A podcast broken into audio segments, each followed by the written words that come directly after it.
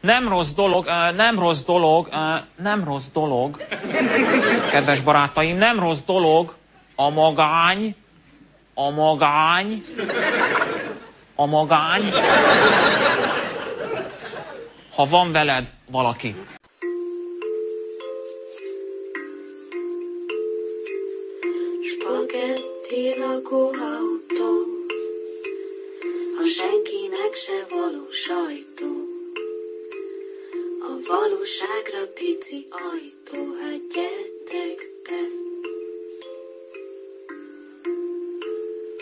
Mi van a kezedre felírva káposztelepke? Ki a Spagetti lakóautó egyik műsorvezetője vagy? Köszönöm, hogy kérdezted Mr. Jackpot ebben a Spagetti Lakóautó Podcast 109. adásában ezt a kérdést.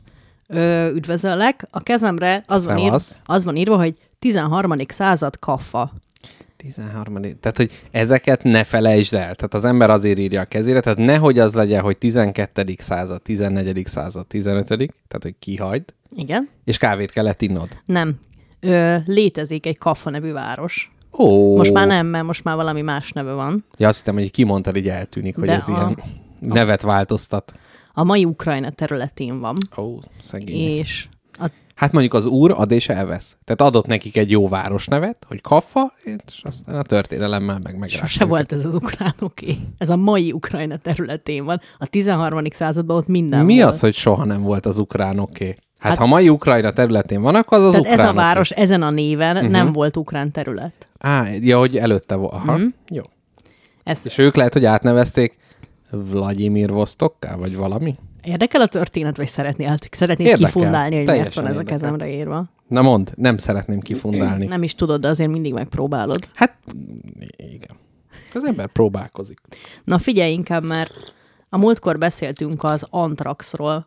Kérdeztem, hogy Mr. Jackpot, mi az az Antrax? Te megmondtad, hogy az a lépfene. Lépfene és levélbe küldték. Amit annak van? idején levélbe küldtek, és akkor az- úgy voltam vele, hogy biológiai hadviselés, milyen érdekes. Keressük uh-huh. meg, hogy mikor volt a világ első biológiai hadviselése. Uh-huh. Szerintem a pestis idején a pestises fejet bedobták a városba, és mindenki meghalt. És konkrétan ez történt a 13. században Kaffában, uh-huh. hogy az, az olasz kereskedők ott elfoglalták a várost, ott uh-huh. izé, dőzsöltek, uh-huh. és jöttek a tatárok. Olaszok elmentek U- Ukrajna területéig. Aha. Szép, szép. Aha.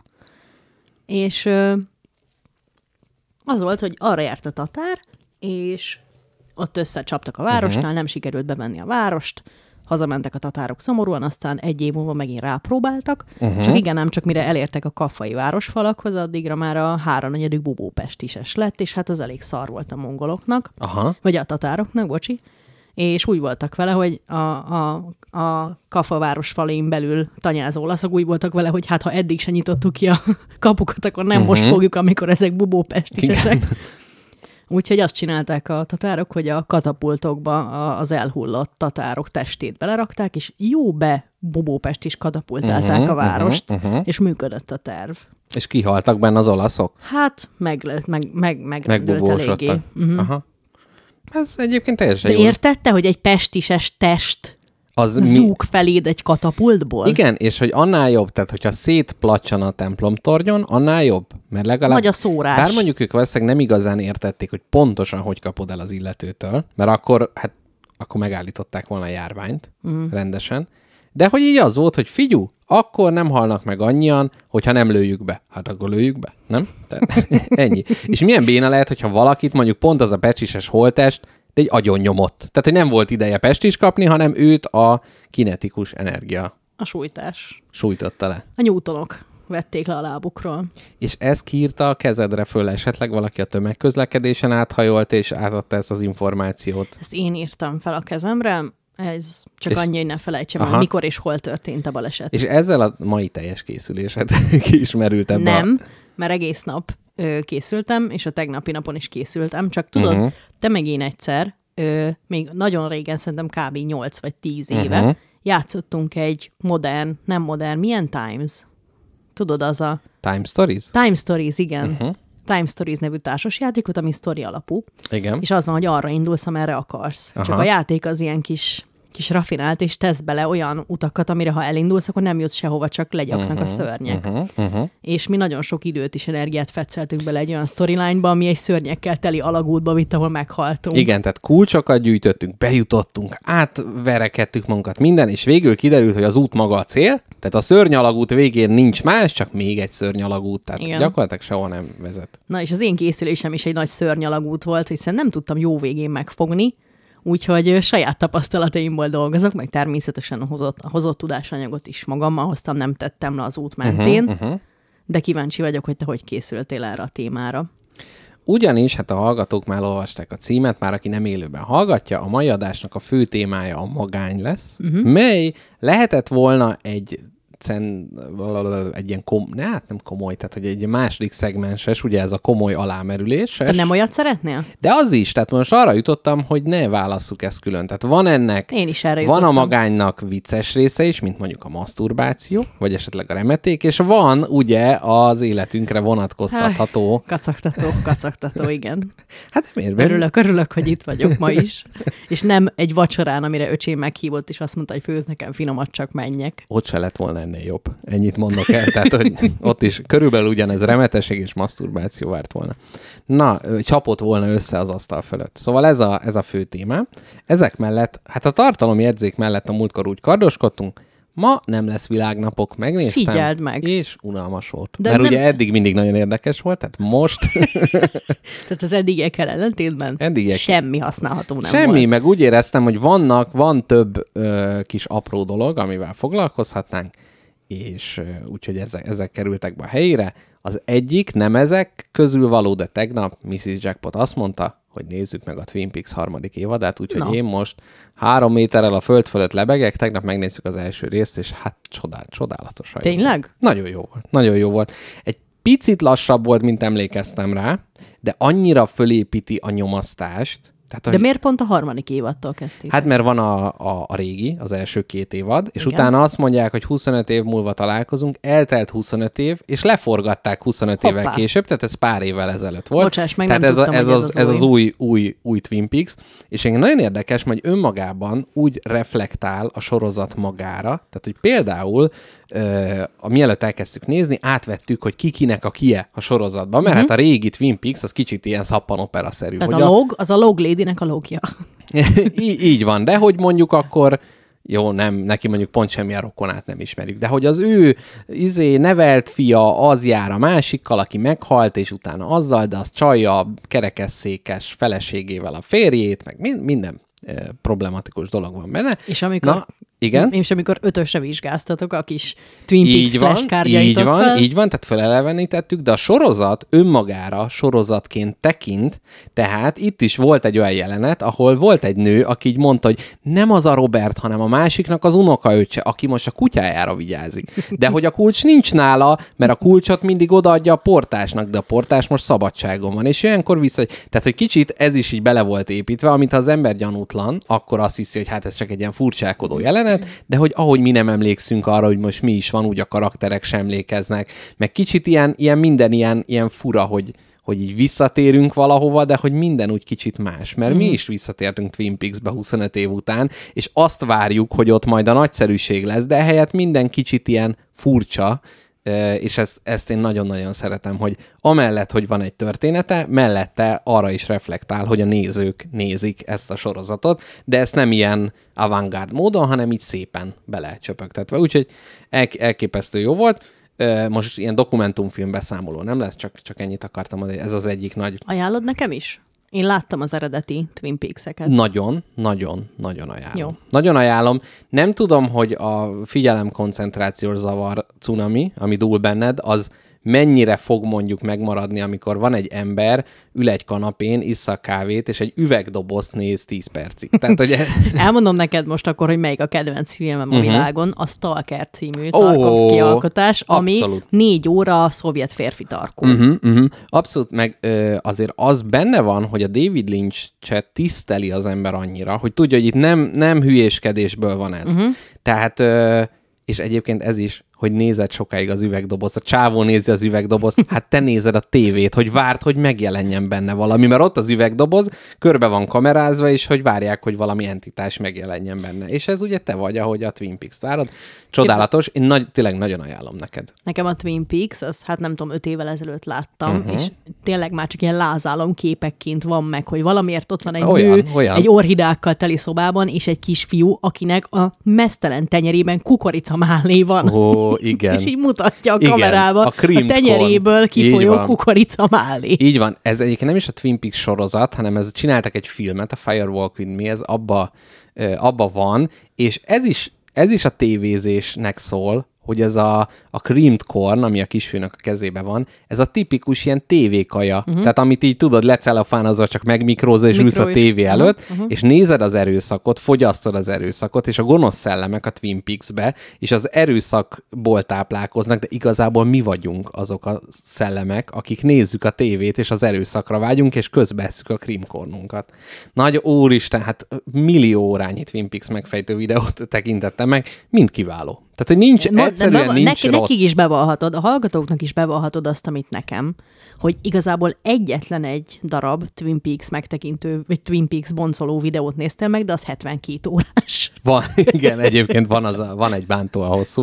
Nagyon jó. Egyébként szerintem megnézem újra. Meg van, ó, gyönyörű elméletek vannak. Tehát van olyan elmélet, ami azt mondja, hogy a második évadban volt egy köztes rész, amikor a David Lynch kiszállt, és szar volt, és az új évadnak minden részét, ha visszafele rásimítod arra, pont ráillik, és kijavítja. Hát baszki, hát csodálatos. Tehát tényleg mindenki, aki, aki a régit ö, ismeri, szeret, a régit is kezdjétek el, az újat is, minden. Tényleg, nagyon jó.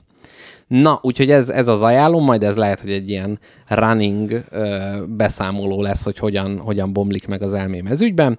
Viszont van még kettő személyesebb jellegű uh-huh. dolog, illetve a Koan interjúkkal is szeretnélek téged megörvendeztetni, melyre káposztalepke azt mondta, én ezt nem tudom, hogy mi is mondtam neki, hogy annál jobb, és hát most még a hallgatók is kétségben vannak. Na, az első az legyen egy személyes jellegű, káposztalepkének még csak ennyit mondtam el, hogy pénteken meghívtak engem egy vacsorára, uh-huh. és ezen a vacsorán ott lesz apukám, ott lesz Jackpot Junior, az öcsém, illetve Mrs. Jackpot is jön uh-huh. velem együtt, uh-huh. és ott lesz az én nagyapám. Na de hogy ez miért érdekes? Hát másoknak ez ugye egy bármilyen pénteki vacsora. Az a trükk a dolog, vagy én 12 éve nem találkoztam a nagyapámmal. Nem igaz? 12 éve nem beszéltem vele, annál többet, hogy hello. Mert, mert ennyi, amikor ilyen kötelező összefutás volt bizonyos temetéseken, akkor ennyi kommunikációt sikerült Ez kisajtani. most, ez most pénteken lesz. Ez most pénteken lesz, és igazából ez a kérdésem, hogy mi a teendő, amikor Fú. az ember 12 éve nem találkozott a nagyapjával. Elmondom az információkat. Jó. Történt ugyanis, hogy ö, az én nagyanyám, a nagyapám, ezen nagyapámnak a felesége elhalálozott, és utána, hát gyakorlatilag, mint egy ilyen megtartó gerenda volt ő ebbe a családba, benne uh-huh. is, hogy kiesett, így apukám és a nagyapám összecsaptak, mint két titán. Tehát gyakorlatilag esett az eső, villámlott, napszemvegbe voltak, és püfölték egymást az esőbe. És végül is azt a megoldást választották, hogy ők nem fognak egymással kommunikálni, és mivel én apukámnak a fegyverhordozója, vagy hát az ő udvarába tartoztam, ezért én magam mal is ez történt. Ő De ugyan... ez le lette kommunikálva, hogy meg neked mondva, hogy tatával nem beszélünk. Nem, nem mondták, de hát Csak- így... csak így de hát így kivált az életetekből. Igen, igen, Mhm. igen, igen, igen, igen, így, így furcsa volt, de egyébként utána apukám így, így valamennyire távolról tartotta vele a kapcsolatot, de azért, mert a, az öccse, az egyetlen testvére, ő ott lakik egy házban a, Értem. a nagyapánkkal, és amikor őt meglátogatta, hát akkor úgy véletlenül összefutott, meg ilyenek, tehát ő azért nagyon távolról rajta tartotta a mutató ujját e- en- ezen ütőéren, és viszont ez így nekünk nem adatott meg, és most hirtelen felindulásból meghívta vacsorára 12 év után. De mi? Itt valami történt. Nem tudom. Itt valami történt. Igen, ez, ez lesz a... Te nem félsz is- attól, hogy valami olyan bejelentés lesz, amit nem akarsz hallani? Öm, Csak hogy te meg én beszélgessünk, és kizárjuk a hallgatókat ebből. Én a, értem, hogy mire gondolsz. Hát mondjuk úgy, hogy ennek a lehetősége már nem áll fönn. Mondjuk, hogy édesapám, hát most érted, tehát hogy most mi- mit tud olyat bejelenteni, hogy artistának áll? Vagy valami? Tehát, hogy nem, nem tudok igazából olyat elképzelni, ami, ö, ami reális lenne. De és- érted, én ezt bontanám ki leginkább, hogy mi az az indok, amivel 12 év után egy felnőtt, dühös férfi meghívja az apját vacsorára. Nem tudom. Szerintem lehet ez, ez egyfajta ilyen ö, változásra való igény, vagy, vagy a saját öregedése meg legyintette, és akkor kicsit úgy, hogy mi is lássuk, hogy hogy kell egy öreggel bánni, hogy nehogy mi úgy bánjunk, hogy ő. Hát ugye ez, ez, ez abszolút, abszolút benne lehet a... a... Amúgy igen, ez a, ez a legvalószínűbb indok. Lehet, hogy látott egy dokumentumfilmet, A- egy a- apa-fia a kapcsolatról. magányos öregekről? És, hát akár. Igen, igen, ab- abszolút. Szóval meg tudod, kicsit így keretezte, hogy jó, most jössz, nem jössz, azt mo- mondta, hogy a öcsédnek kötelező jönni, te jössz, ha akarsz, tehát már ugye, mi? mondom, jó, hát persze, hát nézzük már meg, milyen ö, attrakció lesz, és mondta, hogy jó, akkor pár évre majd le lesz tudva. De hogy ez azért fura, mert 12 éve nem kellett letudni ezt a dolgot, tehát hogy ez egy ilyen furcsa, furcsa keretezés. Ez nagyon fura, ez nagyon, itt van valami. Téged nem, moto, nek benned nem motoszkál ez, hogy most valami van? Nem tudom, nem tudom. Én lehet, hogy apukámon egy külső erőt érzek. Uh-huh. Hogy valaki az életéből azt mondta, hogy ez már tarthatatlan, uh-huh. meg különben is akkor hogy mutatsz példát a gyerekeidnek, uh-huh. vagy valami, és akkor ez... Szeri, én, én ezt, ezt sejtem, de semmi drasztikusra nem számítok, illetve ott lesz nagyapámnak az élettársa, Edith, akit hát mondjuk úgy, hogy nem ismerek, annyit tudok róla, hogy az öreget elrángatta a világ minden részére, voltak már Kínába, Brazíliába, no. mindenhol, de annyit kell tudni nagyapámról, hogy kizárólag sertéshúst teszik, krumplival, tehát hogy se rist, se csirkét, se zöldséget.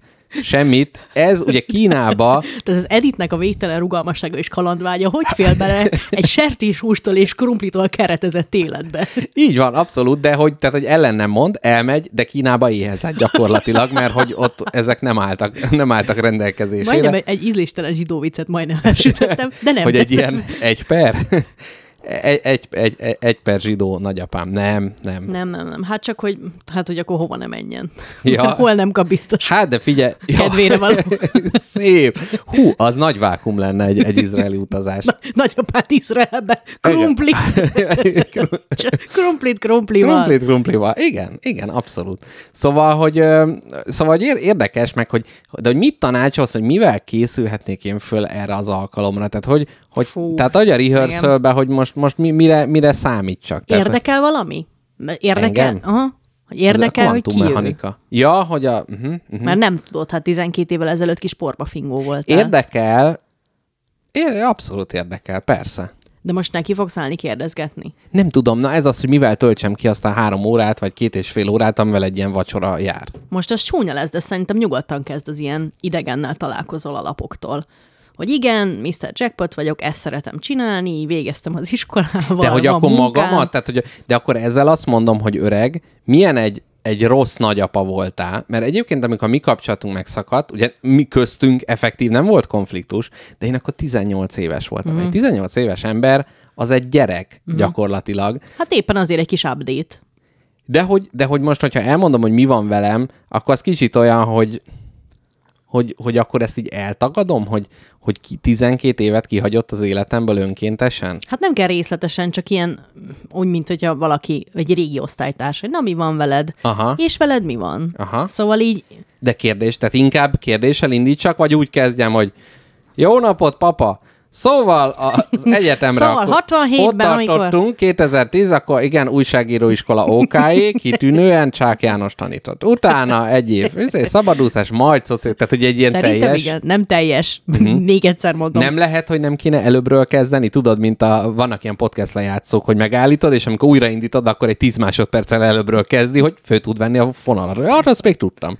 Két év és két és fél éves voltam, amikor, de akkor még ott voltál. Uh-huh, uh-huh. Nem, szerintem így nagy vonalakban, mint amikor régi osztálytársaddal találkozol, pár dolgot elmondasz, és ez meg fogja nyitni Aha. a beszélgetést. Te megteszed, amit meg kell Aha. tenni, nem mondasz túl sokat, tényszerű uh-huh. információkat És közlesz, utána rögtön egy kis közölsz, kérdéssel? És utána, hogy hát igen, de mit lehet kérdezni? És te hogy vagy? Uh-huh. Hogy fogod hívni? Hogy vannak az unokák? Merül fel a kérdés, és erre ő meg azt mondja, hogy Kicsoda! hát így. Jaj, de szép. És Igen. de hogy, hogy fogod hívni? Tata. Nem, ne, én nem békési vagyok. Békésbe hívják a nagyapát Tatának. Ezt már kiderítettem, Ez ezt komoly. az összefüggés. Hát papa. Sőt, De hogy is, Amerikába hívják papán. nem, nem, mondd nálunk már, hogy anya, papa. apa, és Nem. pap, de, de, Nem. és elmondom neked, hogy ráadásul gyerekkoromban az volt a neve, hogy bajusz papa. Hagyja Mert ugye a két nagypapa közül neki volt bajsza. Papa. És a bajusz mama, ugye? Az, igen, Papa. papa. Igen. És tudod, ki volt a nagyanyám? Mama. Az jó. És a másik oldalon volt Éva mama, uh-huh. és Ati papa így voltak, akik itt laktak egy utcára innen, ahol most lakok. De már nem. Ők már meghaltak. Már négy nagyszülőmből három meghalt, egy meg 12 éve rám se bagózik. Igen, ez elég rossz statisztika. Érted? Leérettségiztem. Jó, nem, az, az ak- akkor, akkor még megvolt. Gyakorlatilag két diplomázás, minden, öröm, boldogság, halál, és mindet, mindet ignorálta. Számon akarod kérni? Van benned dű?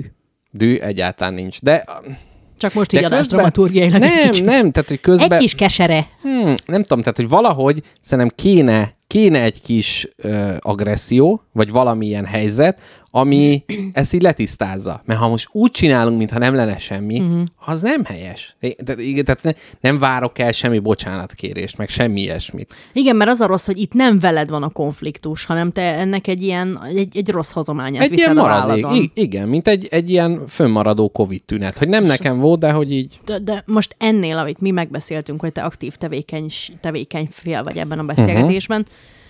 Ezzel szembe tudod, mi lesz szerintem? Na. Egy sokkal-sokkal kínosabb verzió, amikor neked végig kell nézni passzív szemlélőként, ahogy apád és nagyapád próbál dűlőre jutni férfiként férfi De érzelmekkel. nem, azért, mert ők, tehát, hogy na ez, a, ez az izgi, hogy itt nem ró, azért nem róluk lesz szó, mert ők azért már úgy beszéltek. Ja, Tehát, hogy azért, mert mondom, hogy apukám úgy az amikor oda és akkor akkor úgy néha-néha. kicsit nem, nem volt meleg ez a kapcsolat, de hogy azt hittem, hogy hazament, beintett, és akkor... ne, de hogy nekem, nekem meg beintett, igen.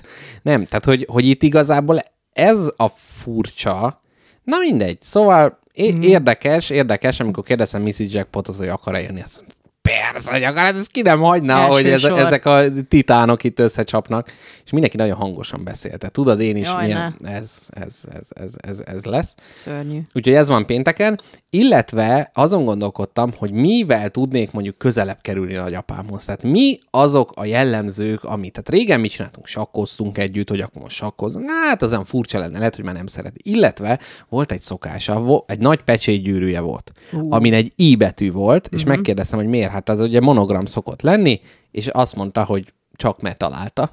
Hogyha egy íbetűset talál, akkor ő azt hordja. Ebből is látszik, hogy az angol száz nyelvterületen nem volt igen verzátus, mert akkor mondhatta volna, hogy I, tehát, hogy én vagyok, ugye? Gyönyörű. Vagyok, aki vagyok. Gyönyörű. Vagyok, aki vagyok. Nagy bumszli gyűrű, Áj. és I, I gyűrű. Szép.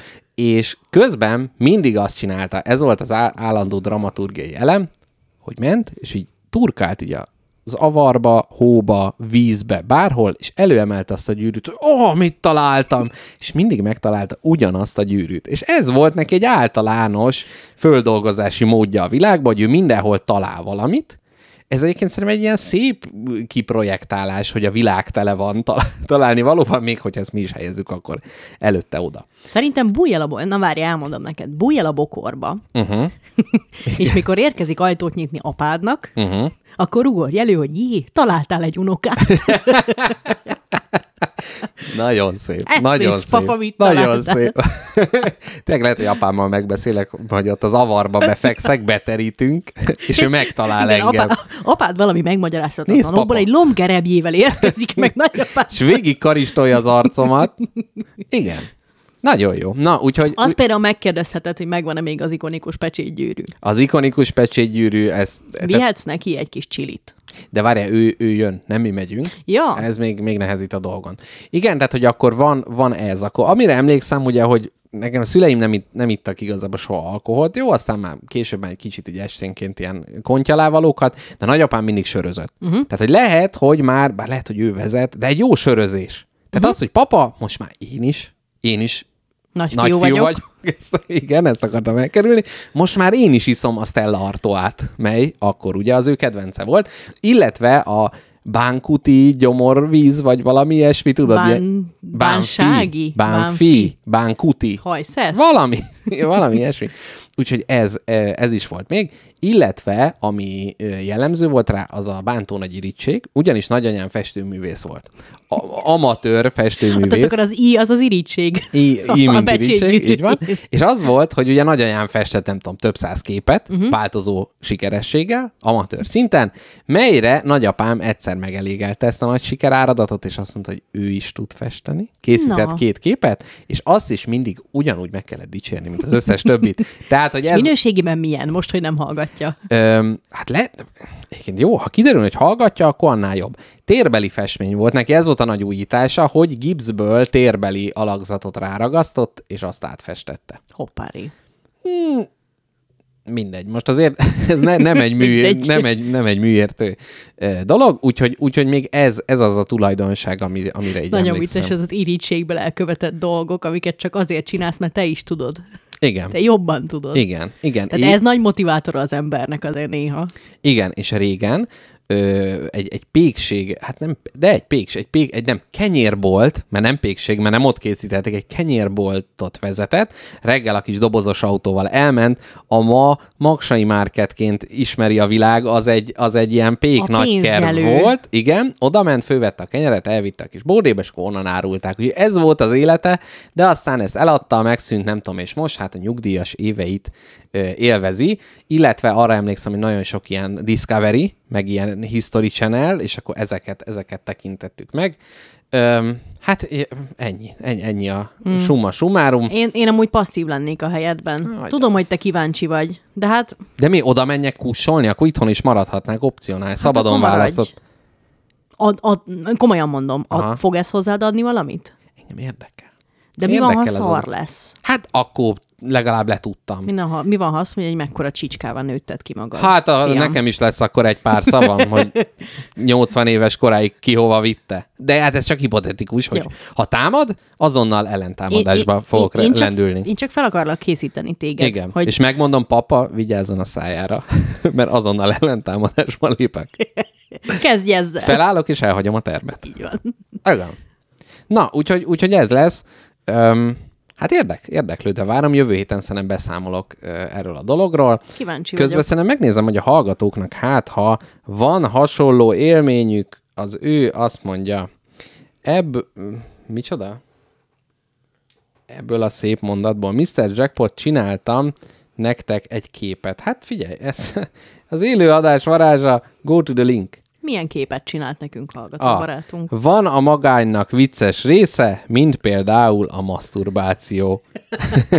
És ez egy ilyen De ez egy így hímzett fali. Hímzet és, és egy hímzett fali, bárki megtekintheti, majd belinkeljük a nem tudom hova, és, és hát egy, egy, egy legény, ugye egyedül, egyedül látható rajta. Gyönyörű szép. Köszönjük szépen. Szia, szia, sziasztok. Na hát úgy látom a nagyapás rész, az nem annyira szóltatok hozzá. De milyen egy ideális nagyapa? Aki mondjuk nem tűnik el az életedből 12 évre, ez, ez az Ez az egyik. első pont, uh-huh. igen. Neked van még nagyapád? Uh-huh. És milyen? Egy, egy nagyapám van. Uh-huh. A, a másik, De nekem is. másik papámat pár éve vesztettük el, Uh-huh. és ö, érdekes, róla is akartam beszélni a magány részbe amúgy. Uh-huh. Uh-huh. És milyen a, a jelenleg élővel így a kapcsolatod? Vagy mit, mit, mit ad az életedhez? Szerintem ő most hallgatja, akkor üdvözlöm. Igen? Aha. Hát, üdvözöljük. Szerintem egy, egy nagypapa, Uh-huh. fú, Most ez, ez Nehéz. tehát ilyenkor én mindig azt mondom, hogy elromlott a podcast lejátszom. Meg akart, nem tört be az de internet, nem kell de a helyette csak- csendektől. Ez, ez egy súlyos csend volt. Uh-huh. Most ezt, ja, bocsánat, ezt érzékenyen kell kezelni. Uh-huh, uh-huh. Hogy például szerintem ez egy ilyen szeri, szerető tanító szerep. Uh-huh. Például mindkét nagyapám horgászott. hát az enyém is, szerintem abban a korosztályban mindenki orgászodja. És tőlük tanultam meg a szakma csínyát, bényát. Uh-huh, uh-huh. Hogy kell leakasztani a nádba egyetlen egy másodperc alatt a sneciző botodat. És tiednek nem volt az bántó szokása, hogy csendbe kell lenni a horgászás közben, mert elijeszted a halakat? De, de senki nem tartotta. És így, így nem is volt következetesen kezelve ez a dolog. Tehát néha ránk szólt, hogy csöndben, csöndben legyen már, azt máskor meg Kossuth rádió. Tehát, hogy így Igen. nem, nem, volt, nem volt semmi következetesség ebbe a szabályba, de néha szépen jutott, hogy kus legyen meg csak. Igen. Most ez zavarja a halakat, mert engem zavar. Ez milyen jó ilyen harmadik felezés. Hát ez, hogy jön a bevándorló, elveszi a munkádat. Zavarja a halakat, ne zavarja a halakat. mi, Amúgy- mi, mondod más? Hát nem Ez mondod. nagyon jó, mindenre ezt fogom mondani. Ne haragudj, ne haragudj, ne állj mellé, mert zavarja a halakat. Innentől megígérem neked, hogy ezt megpróbálom. Igen, ez podcast névnek se utolsó. Zavarja halakat. Kapcsolt ki, zavarja a halakat. Igen. Egyik, én, én nagyon jó lenne, hogyha valahogy a magyar horgász közösséghez egy kicsit közelebb tudnánk kerülni, mert tényleg ott annyi idejük van erre, tehát szerintem a spagetti lakóautónak kéne, hát ugyan már a, a villantó, és nem tudom, volt a mi, milyen újságot már földolgoztuk, illetve a milyen kis élő halas horgászat, vagy Igen, a, a kis élőhal, egy zongora hurra kell felhúzni. Igen, na hát ott már például adóztunk eh, ezért a csodáért. Jaj, Erzsé... na. na Erzsébet írt egy hosszút. Azt mondja, hogy ö, a nagyapás sztori tök szomorú, és nem lehet hozzászólni érdemben. Én imádom a nagyapámat, aki 7-8 éve meghalt, és iszonyatosan hiányzik. Remélem jó lesz majd egy sertés húsevő, majd a sertés húsevő viszonylatok, nem, viszonyatok sokáig értelmes kapcsolat lesz mindkettőtöknek. Hát Erzsébet, én azt mondom, hogy ezek hiú remények, és itt inkább a te vágyaidat ö, projektálod ki, ami teljesen érthető. Vannak olyan nagyszüleim és rokonaim, akik nekem is hiányoznak, de érdekes, hogy akit ugye így a halálból az ember visszakívánna, aztán van egy, aki meg él, ott meg ez úgy nincs meg. És emiatt kicsit az is így beárnyékolja ezt az egészet, hogy nehogy már, ne legyek már ilyen kicsinyes görcs. Hát hogy fogom majd bánni? Nem, De közben nem? utálom ezt a gondolatot, hogy bánni fogom. Aha. Ez, szerintem ez nagyon megkeseríti az életedet, hogyha mindig azon gondolkodsz, hogy mit fogsz bánni, meg mit nem.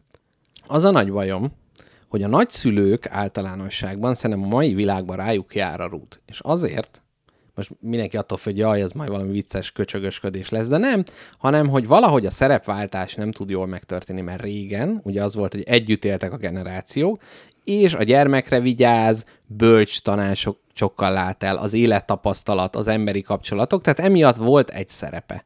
Ugyanúgy ez a szülő nagyszülőnek, és hogy most meg igazából ez nincs meg, mert a szülő azt mondja, hogy de ahhoz az autószerelőhöz kevés. Ugyan már papa, hát már rádugja az USB sticket, aztán leolvassa a hibát. Tehát, hogy már olyan gyorsan devalválódik a tudás, hogy most a nagyszülői tudás odaveszése az max csak, max csak annyi, hogy jaj, ő még ismerte a Terike nénit. Tehát, hogy ilyen, ilyen lokális dolog, és, és pont emiatt ez a support szerepnek a kiesése, ez, ez egy ilyen vákum, és hogy nem is találják nagyon így a helyüket a nagyszülők. Tök sok embertől hallom ezt, hogy jaj, föl se hívsz, én már nem számítok senkinek, bár már a halál jönne el. És ez tök sok ilyen nagyszülőtől ö, ismerősnek a nagyszülő kapcsolatáról hallom ezt, és hogy ez, ez annyira rossz, amikor valaki a halált várja. Mm. És nem, nem az, hogy beteg, vagy valami, amikor tényleg mondjuk jogos lehet az, hogy a szenvedései meg, meggátolja, és hogy valahogy én is ezt érzem, hogy itt ugyan nem erről van szó, mert nem hív föl, hogy miért nem hívom föl,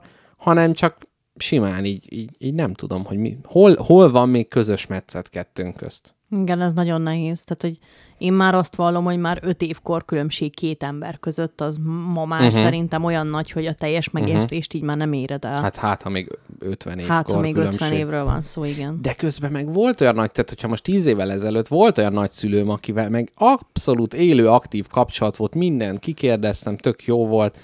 Hát igen, azért kettőnál a vásár, hogy úgy mondjam. Van egy, van egy kérdésem hozzád. Uh-huh. Képzeld, amikor emlékezni akarok valamire, akkor mindig így befogom a mutatójamat, uh-huh. a hüvelykülyöm is a középső ujjam közé. Mhm. Így? Így. Aha, Hát ez egy- kicsit ilyen olaszos. Igen. Múltkor Mrs. Jackpot mutatott egy videót, hogy egy olasz és egy amerikai pár, már hogy egybe az fiú olasz, a lány amerikai, és akkor mondta, hogy na, anélkül mondjad azt, hogy, hogy te olasz vagy nem amerikai, hogy nem mozgatod a kezed. És nem bírta. És így már picerget, nem, tested sem mozog. Na igen, tehát arra kellett emlékezned, hogy? Arra kellett emlékeznem, hogy, hogy, hogy ugye te 18 éves korodban találkoztál Így ezzel van, az emberrel így van. utoljára. Mi az, amin a legjobban meg fog lepődni, hogy na, Ezzé nőtted ki magad? Hát Mennyit változtál? Uh-huh. Régen olyan voltál, hogy és most ilyen vagy? Hát ugye egyrészt engem ugye színészek cserélgetnek, tehát nincs igazából múltam, hanem nagyon sok gyerek színész és kamasz színész játszott el. Tehát ilyen szinten a változás, hát az gyakorlatilag drámai lesz. Uh-huh. Például azóta hordok kontaktlencsét, tehát már önmagában az, hogy egy ilyen tökéletes álca nagyapámmal szembe, az, hogy nincs rajtam szemüveg, így föl se, nem is föltételezi, hogy én az unokája lennék. Úgyhogy ez, ez az egyik, ami meg fog lepődni. Hmm. Szerintem így, tudod, mit kell csinálni? Azt kell mondanod, amivel egy nagyszülőt le lehet nyűgözni. Nem azt, hogy uh-huh. újságírókái, meg ilyen lófaszok, hanem mondod, hogy hát az van a, egy rendes a... asszony, papa. Így van, itt is rendes van. nő. Rácsapok a farára. Nem csapsz rá, és nem mond uh-huh. ki ezt a szót többet. Hogy far. Igen. É, szerintem ennyi. Minden rendben, papa, jó a munkám, keresek pénzt, itt a asszonyka, rendben vagyok, köszönöm. És ennyi. Igen. Hogy mi van veled? Hát Minden semmi. fasza. Pénz van, nő van. Ennyi.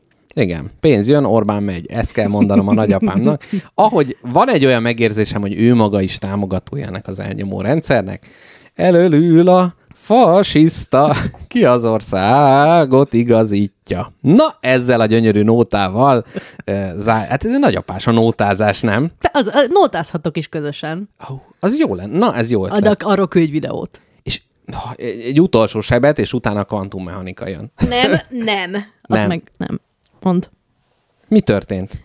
Az, hogy Szétesett a tested? aha, nem, egy szálka állt belém. Már, de ez már volt az előző, ne legyen már ilyen Nem, adáselem nem, nem, ismétlés. nem tudok mit csinálni, Megint mert szálka. a, a, a pulóverem gyakorlatilag szálka mágnesként uh-huh. funkcionál, és így, ha egy icipicit megmocszanak, uh-huh. akkor teljesen random testrészeim beáll bele. Á, aha, aha, és ez ilyenkor, mint egy kutya, itt megrázod magad, és akkor itt, itt hagysz belőle. Jó, akkor nem lesz kvantummechanika, de zárszóként megtanított az öreg sakkozni. Egy utolsó fájdalom, tehát itt ez újra elő, előbugyog, és mondtam neki, hogy papa, tanítson meg ultizni, uh-huh. mert ér, érted, jön egy unoka, aki megkéri a nagyapját, hogy tanítsa meg ultizni, és azt mondta, hogy nem lehet, mert az csak pénzbe lehet. Na. És hogy így, hát akkor babokban, vagy mit tudom én, valami, és nem tanított meg, mert hogy az pénzbe kell. Nem tud az egy, az egy komoly dolog. De hát akkor hova járt, amikor azt mondta, hogy ultizni? Sakkozni. Csak oda nem akart elvinni, mert szégyenbe hagytam volna, mert hát, vagy hát pont, hogy én lettem volna az ász. Na, a hallgatók most nagyon sok mindent írnak. Ö, azt mondja, ilyen nagyapával nekem se lett volna jó viszonyom. Naponta két-három PowerPoint, nem összesen két-három, az kimarad. De hogy miből, ez nem derült ki, ez almapüré. Na, azt mondja, nálam almapüré írja, nagyon kedves hallgatónk.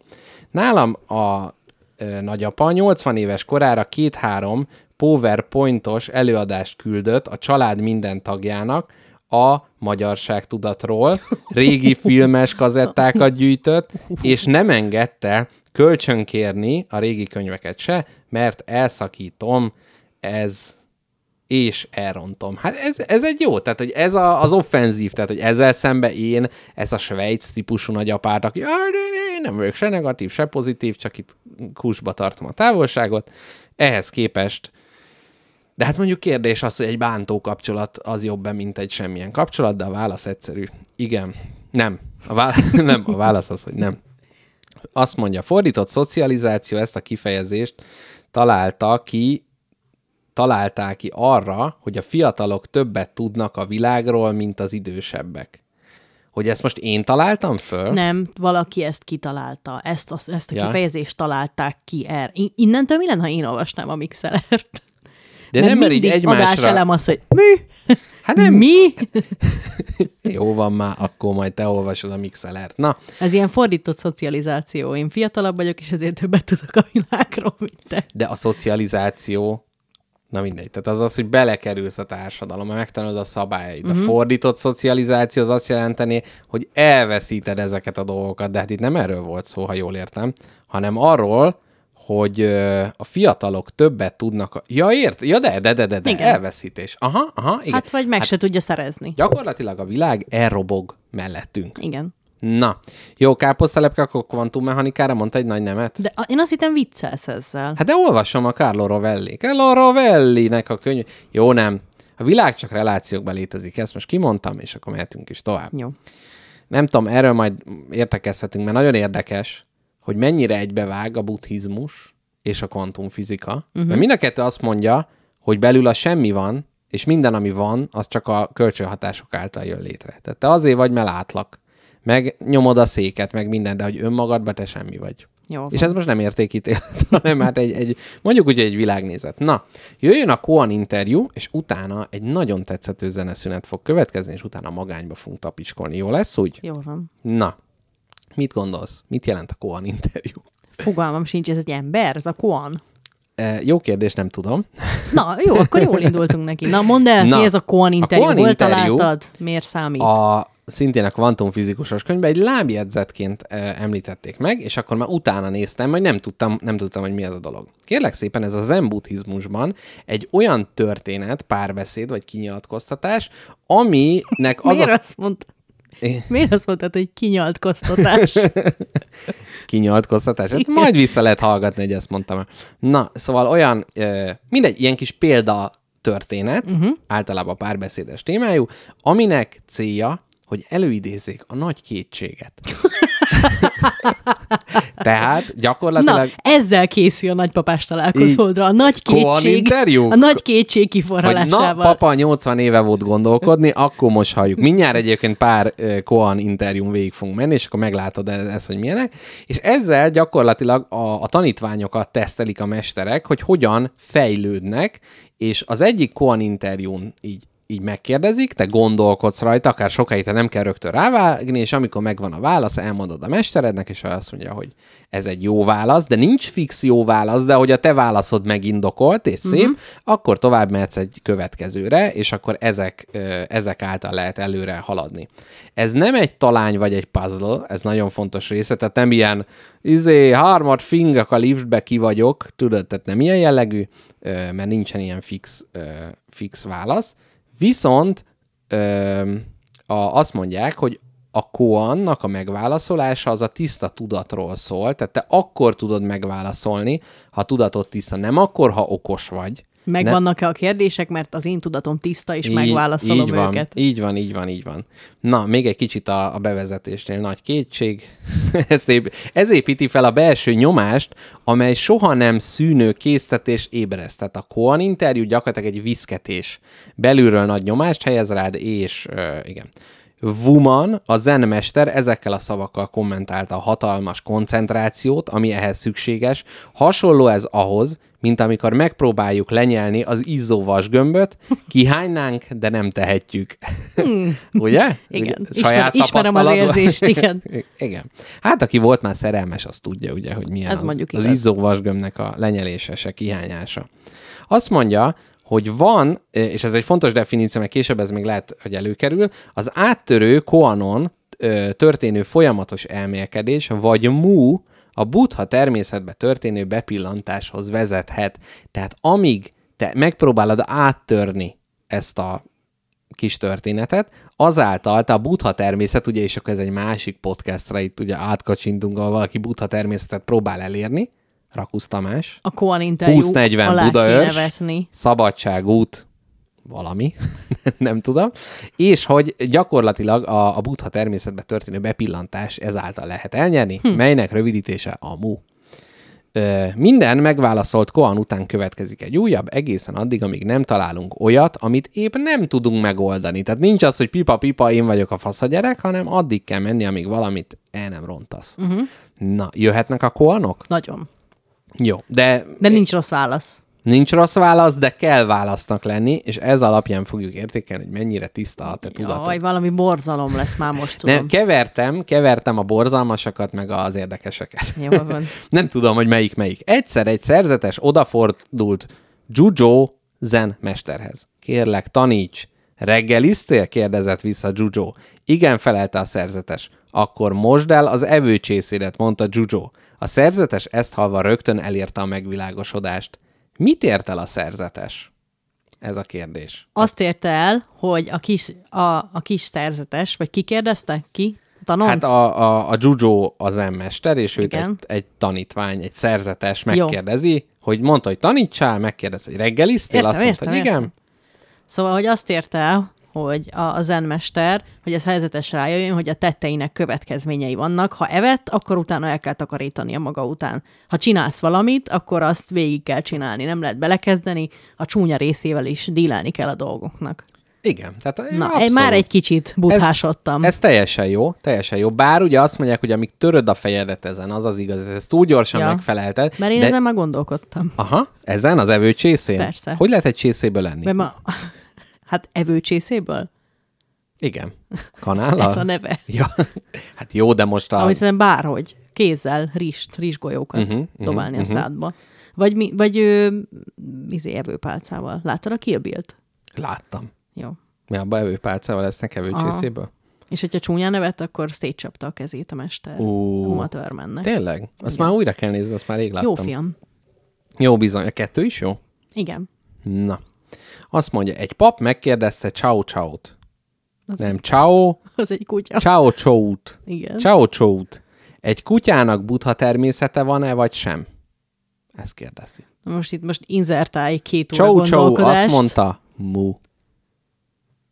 Ez volt a válasz. Na, mit jelent ez a történet? Tehát, hogy egy kutyának butha természete van-e, tette fel a kérdés, melyre a mester azt a választ adta, hogy mu, ami ugye azt tudjuk, hogy a mu Az a buddha természet. az a butha természet. Hát akkor igen.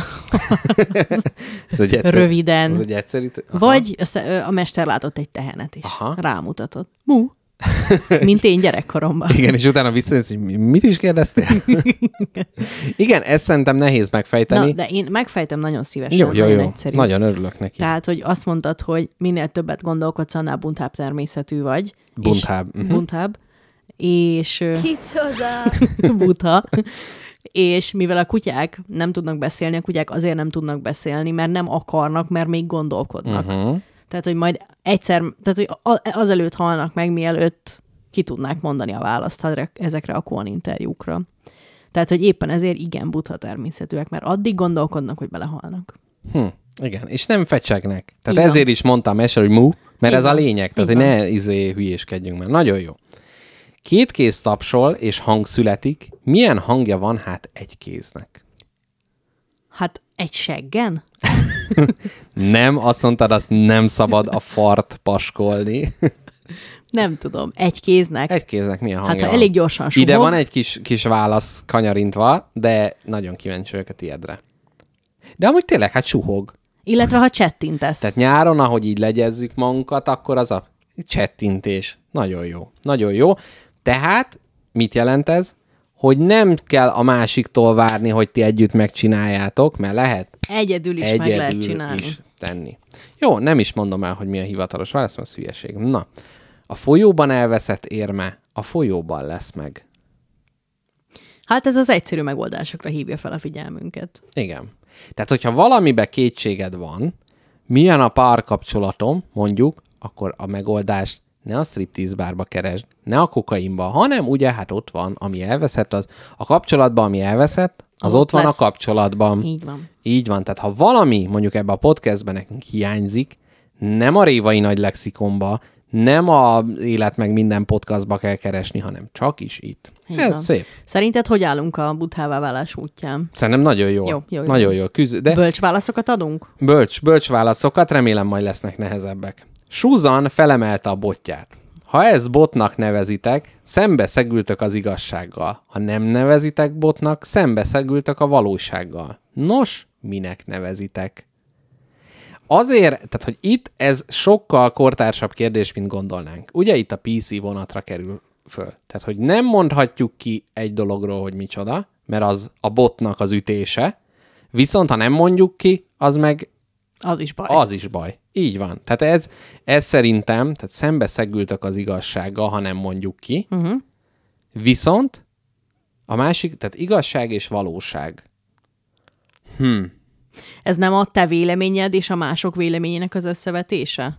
Mert az én, az én igazságom, az lehet, hogy nem a te valóságod. Ez szerintem kicsit az, valahol igen, de az igazság meg a valós, tehát hogy eleve ugye mi az igazság, de mondjuk, hogy te mondjuk valamiről azt gondolod, hogy az igaz. És hogyha azt, ö, várjál, ha szem, tehát hogy ha botnak nevezitek, szembeszegültök az igazsággal, ez buddhista a dologban valószínűleg az van, hogy ez igazából semmi, mert ez nem valami, viszont, hogyha nem nevezitek botnak, akkor, tehát azt mondják, hogy ez nem egy bot, hát de hát itt van, hát fegyver. megrázza a kezébe. Egy fegyver, vagy egy valami. Tehát, hogy nem tudom. Szerintem itt arról van szó, Én az hogy, én megoldásomra szavazok. hogy a dolgoknak túl nagy jelentőséget biztosítunk, tehát azt mondjuk, hogy ez a szekrényes semmi, meg most jackpot itt miért basáskodik, meg telerakta könyvvel, meg társas játék, enyém, megszereztem, minden. Tehát, hogy ez, ez egyfajta korlát, de ha nem, ha ezt ignorálom, és azt mondom, hogy semmi nem kell, az hazugság, mert igazából kell. Kenyérből él az ember, pénzből él. Na, kis pénz, kis foci, nagy pénz, nagy foci, mondja az emmester. Amikor Hyakuyo látogatóba volt mesterénél, egy csapat vadliba repült el felettük. Mik azok? Nézett fel Basó mester. Vadlibák, uram. Hová repülnek? Már el is mentek, uram. Ekkor Basó hirtelen úgy megcsavarta a tanítványa orrát, hogy az felkiáltott fájdalmában. Azt mondod, elmentek? Mind itt vannak, kezdettől fogva harsan Basó, Hyakuyo ekkor megvilágosodott. Tehát itt a kulcsmondat, hogy nem megy el a dolog, mert mindig is itt volt, és mindig is lesz. Szerintem itt az, hogy amikor meglátták az égen, tudták, hogy ez va- vadliba. Tehát eleve a fejedbe benne van, hogy vadliba, Tehát ez már létezik, mint ez olyan. már létezik, összekötődik vele, amíg ott van, és amikor elmegy, akkor sem megy el, mert emlékszel rá. És hogyha belegondolsz, ez a nagy kérdés, amivel X adásonként nyomasztani szoktalak, hogy a múlt az micsoda. Uh-huh. Amikor mi Rómába voltunk, uh-huh. az most hol van, uh-huh. mert tudunk rá reflektálni, de nincs itt. Uh-huh. Szerintem ez az en történetnek a savaborsa. Elfogadom. Na, a következőt káposztalepke fogja meg. Remélem, az egy szivatós lesz. Az új tanuló zemmester elé nem, az új tanuló a zemmester elé járul, hogy megkérdezze, hogyan tudna előkészülni a tanulmányaira. Gondolj engem csengőnek, magyarázta a mester, üss meg egy kicsit, és finom csilingelést fogsz hallani, üss erősen, és zengő bongást fogsz hallani. BDSM. Na, de mondjad? És, és meg kivilágosodott meg ebben Hát a tanítvány. a tanítvány. Hát mert a, tan- a tanítás az, az mindig megvilágosodás. Hát, hogy kettőn áll a vásár, ő csak annyit tud neki tanítani, amennyit ő hallani szeretne. Oh. Tényleg, tényleg. Nagy erőbefektetés, nagy bong... Na, áj, Hú, figyelj. mondtam na, én. Na, akkor egyébként mondanám, hogyha valaki a tankapuja a buddhista főiskolánál van, így kicsit feketeövesebb ilyen interjúja, akkor küldje el nekünk. Gyűjtsetek igazi fej... Hallgatók is beküldhetik, akár telegramra, e-mailbe, bárhol. Megfejtünk ö, bármit, és a megvilágosodás útjára lépünk. Na, azt mondja, már csak három van. Hyakuyo mester egy új kolostor élére keresett valakit, összehívta a tanítványait, és egy vízzel teli vödörre mutatva azt kérdezte. Ez mi? ez mi? Ki nem takarított föl? Csicskák. Ki tudná megmondani, mi ez, anélkül, hogy nevén nevezné? Farönknek senki sem hívhatja, mondta a szerzetes főnök. Nem fura kitétel. Ekkor Isán, a kolostor szakácsa felrúgta a vödröt, és távozott. A szerzetes főnök vesztett, mondta Hyakuyo, és Isán lett az új kolostor mestere. Tehát ott a vödör, meg kell nevezni a vödröt, farönknek nem lehet nevezni, megy a szakács, fölrúgja a vödröt, és ezért ő lesz az új mester. Mert ő érti. Na mit? Mit? Mit? Hát ezért nem mi vagyunk az új mesterek, mert mi ezt nem értjük. Felrúg, és akkor ezzel. Vödör, ezt tudod, eh, tudom mi.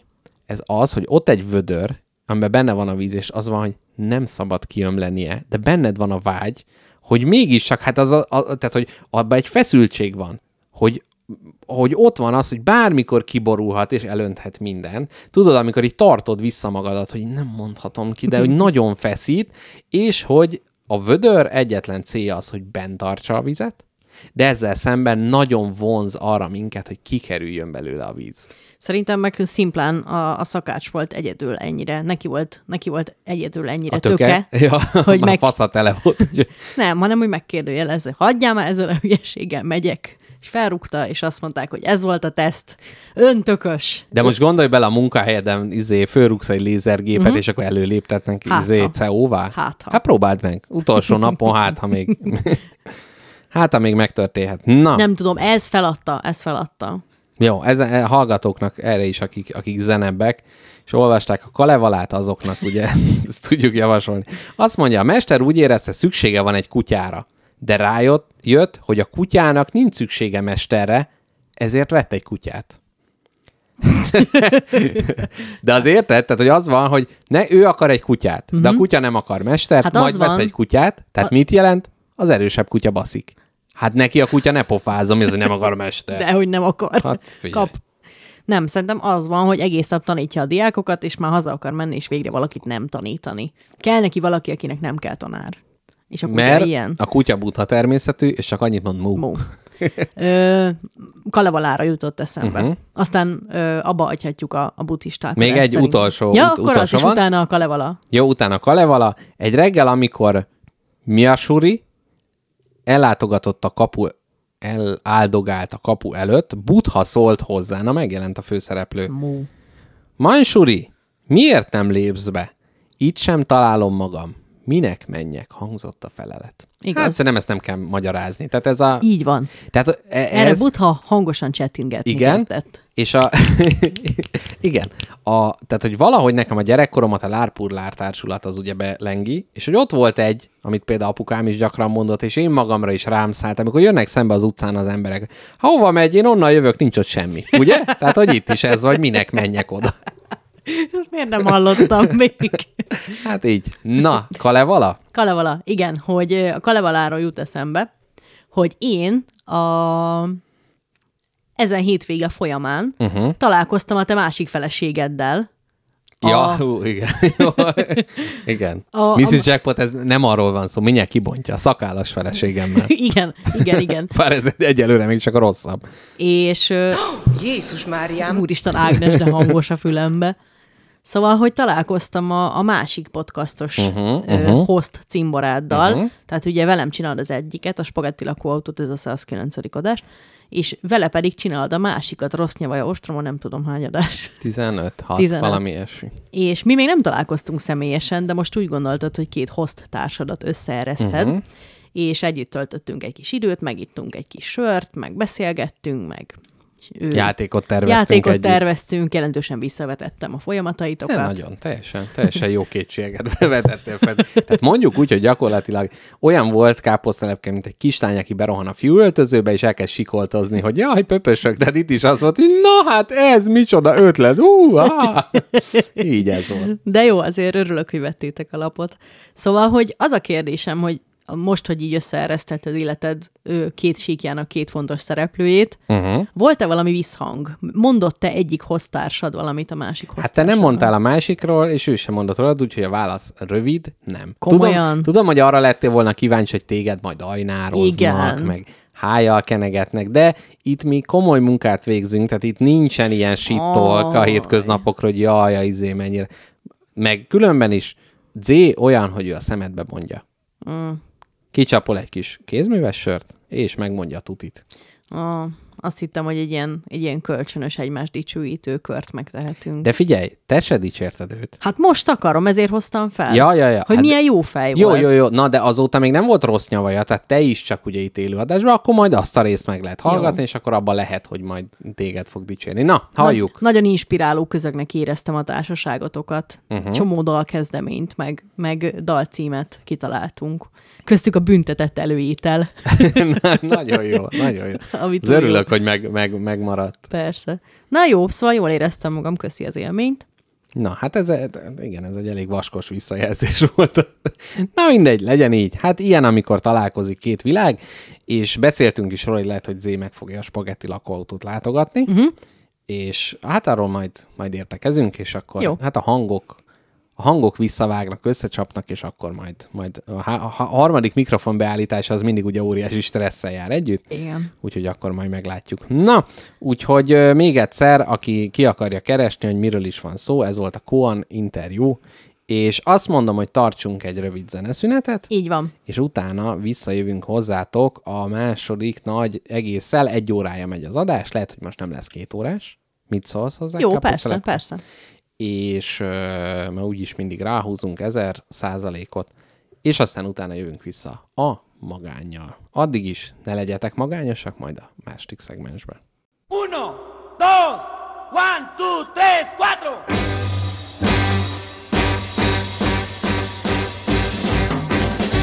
Pule, pule.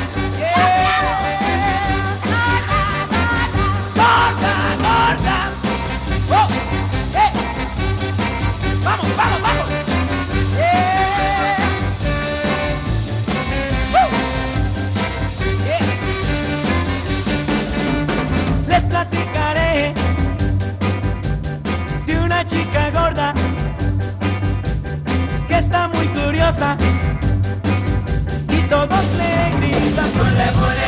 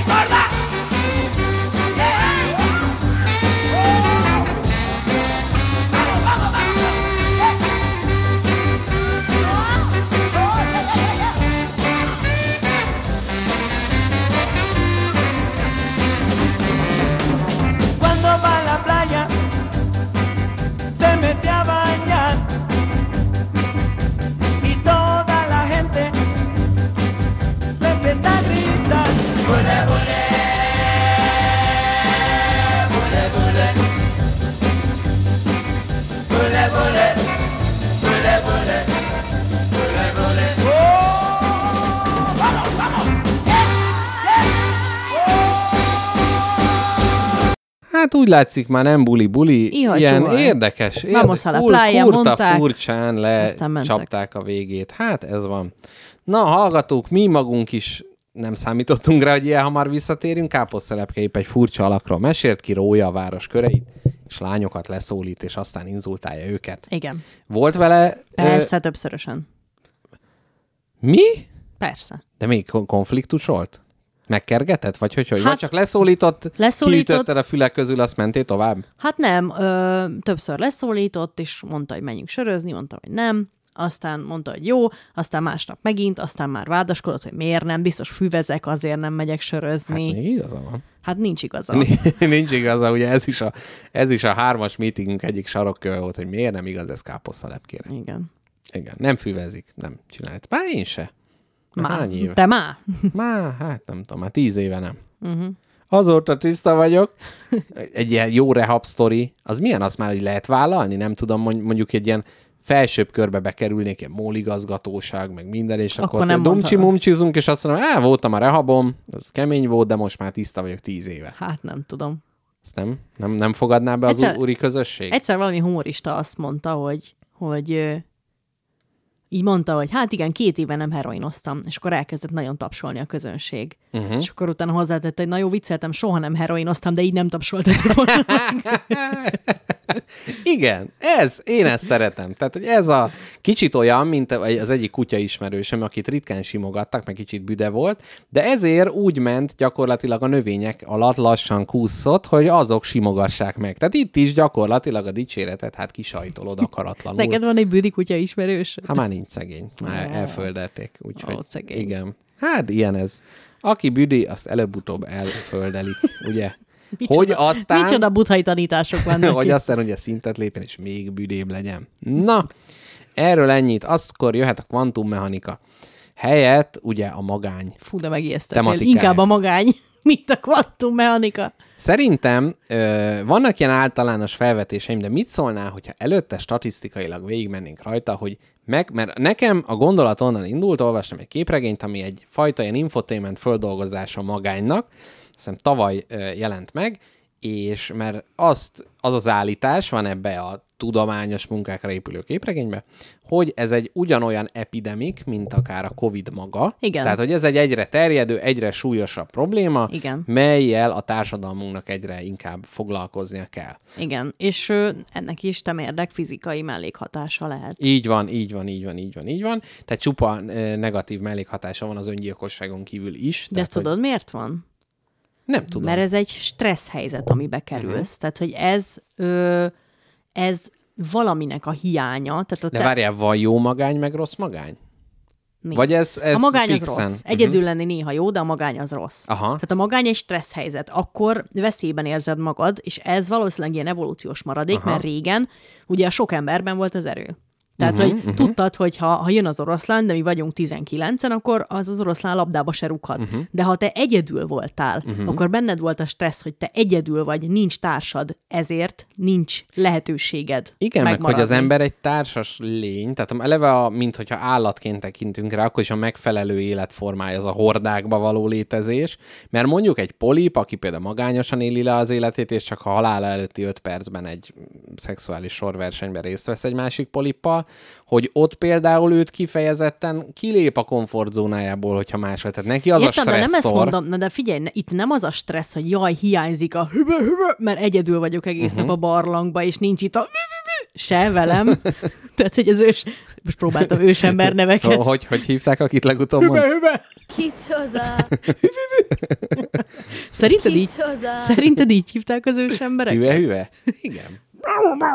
Hát persze. Hát és akkor mutogattak, Engem ez szórakoztat. Ez, engem ez nagyon szórakoztat. Majd egy adást ilyen nyelven nyomunk le, Jó, és, jó. de hogy szólni fog valamiről, tehát csak nagyon, figyelmesnek kell lenni. Nehéz, mert várjál, az szóval- ősember nyelvbe, a mutogatásnak, akár csak az olasz nyelvbe is, ugye ebből látszik is, hogy ki melyik nyelv evolúciósan lemaradott, ugye abban szükség van a gesztikulációra, és itt ugye nem a nagyszerű producerre gondolunk. Na, szóval visszatérve erre, hogy itt nem az volt, hogy az ősember ember azon stresszelt, hogy jaj, unatkozok, nem tudok kivel ö, igen, nem fekete-fehér játszani, hanem konkrétan a magány az egy stressz helyzetbe helyezte a testet és az elmét, mert a magány az kiszolgáltatottságot jelentett, ha jön a mamut, eltipor. Uh-huh. Tehát ez egy fiziológiai reakciót váltott ki. Érted? Értem, értem. Érted? Tehát a túlélés segíti, hogyha nem, ha van velem más, És mert ő éppen háttal ezért- és ő látja, hogy ha jön a mamut, én meg ha egyedül állok, akkor nem veszem észre, mert éppen dúdolok magamba valamit. Így van, és éppen ezért van az, hogy, hogy ez a mai emberre is ö, fizikai tüneteket gyakorol, mert egy ilyen, egy ilyen ö, menekülő helyzetbe kb. Egy, hasonló, tehát egy veszélyhelyzetbe érzi uh-huh. magát az ember a magány során. Igen.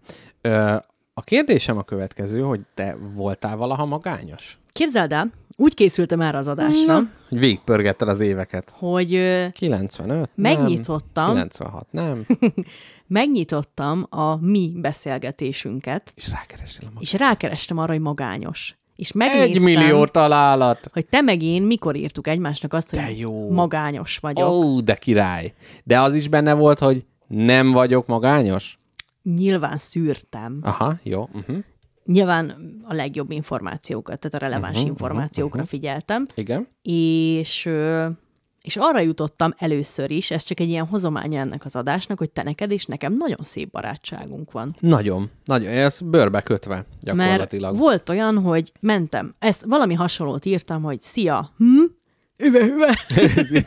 igen, Szia, ez, a, faszos, ez a igen. polgári neved. Igen, kis és írtam, hogy szia, itt sétálok az Asztórián, most találkoztam egy pár barátommal, ők kicsit berúgtak, de én gondoltam, hogy nem iszok, de ennek csak az lett az eredménye, hogy ahelyett, hogy kellemesen részegen sétálnék haza, most nagyon szomorúan sétálok haza, és magányos vagyok. Oh. Tudom, hogy ez jobb lesz, de uh-huh. azt is tudom, hogy az kurva szar, hogy néha csak így át kell küzdeni magad a magányon, és megvárni, amíg vége lesz, mert nem lehet vele mit csinálni. Mm, és Ez nagyon jó, ez a kontextuális ilyen textkeresés. Imádom. ezt nagyon írtam, jó. uh-huh. és erre te nagyon kedveset írtál vissza. Na, mit írtam? Hát megnyugtattál, hogy igen, hogy, hogy tényleg ez egy nagyon-nagyon rossz helyzet, hogy így át kell magad küzdeni rajta, és hogy nagyon köszönöd, hogy ilyen helyzetekben rádírok, uh-huh. meg, meg hogy örülsz ennek, hogy megosztottad ezt velem, mert hogy megértem, és ö, szóval ilyen volt, uh-huh, hogy, uh-huh. hogy azt mondtad, hogy igen, jobb lesz.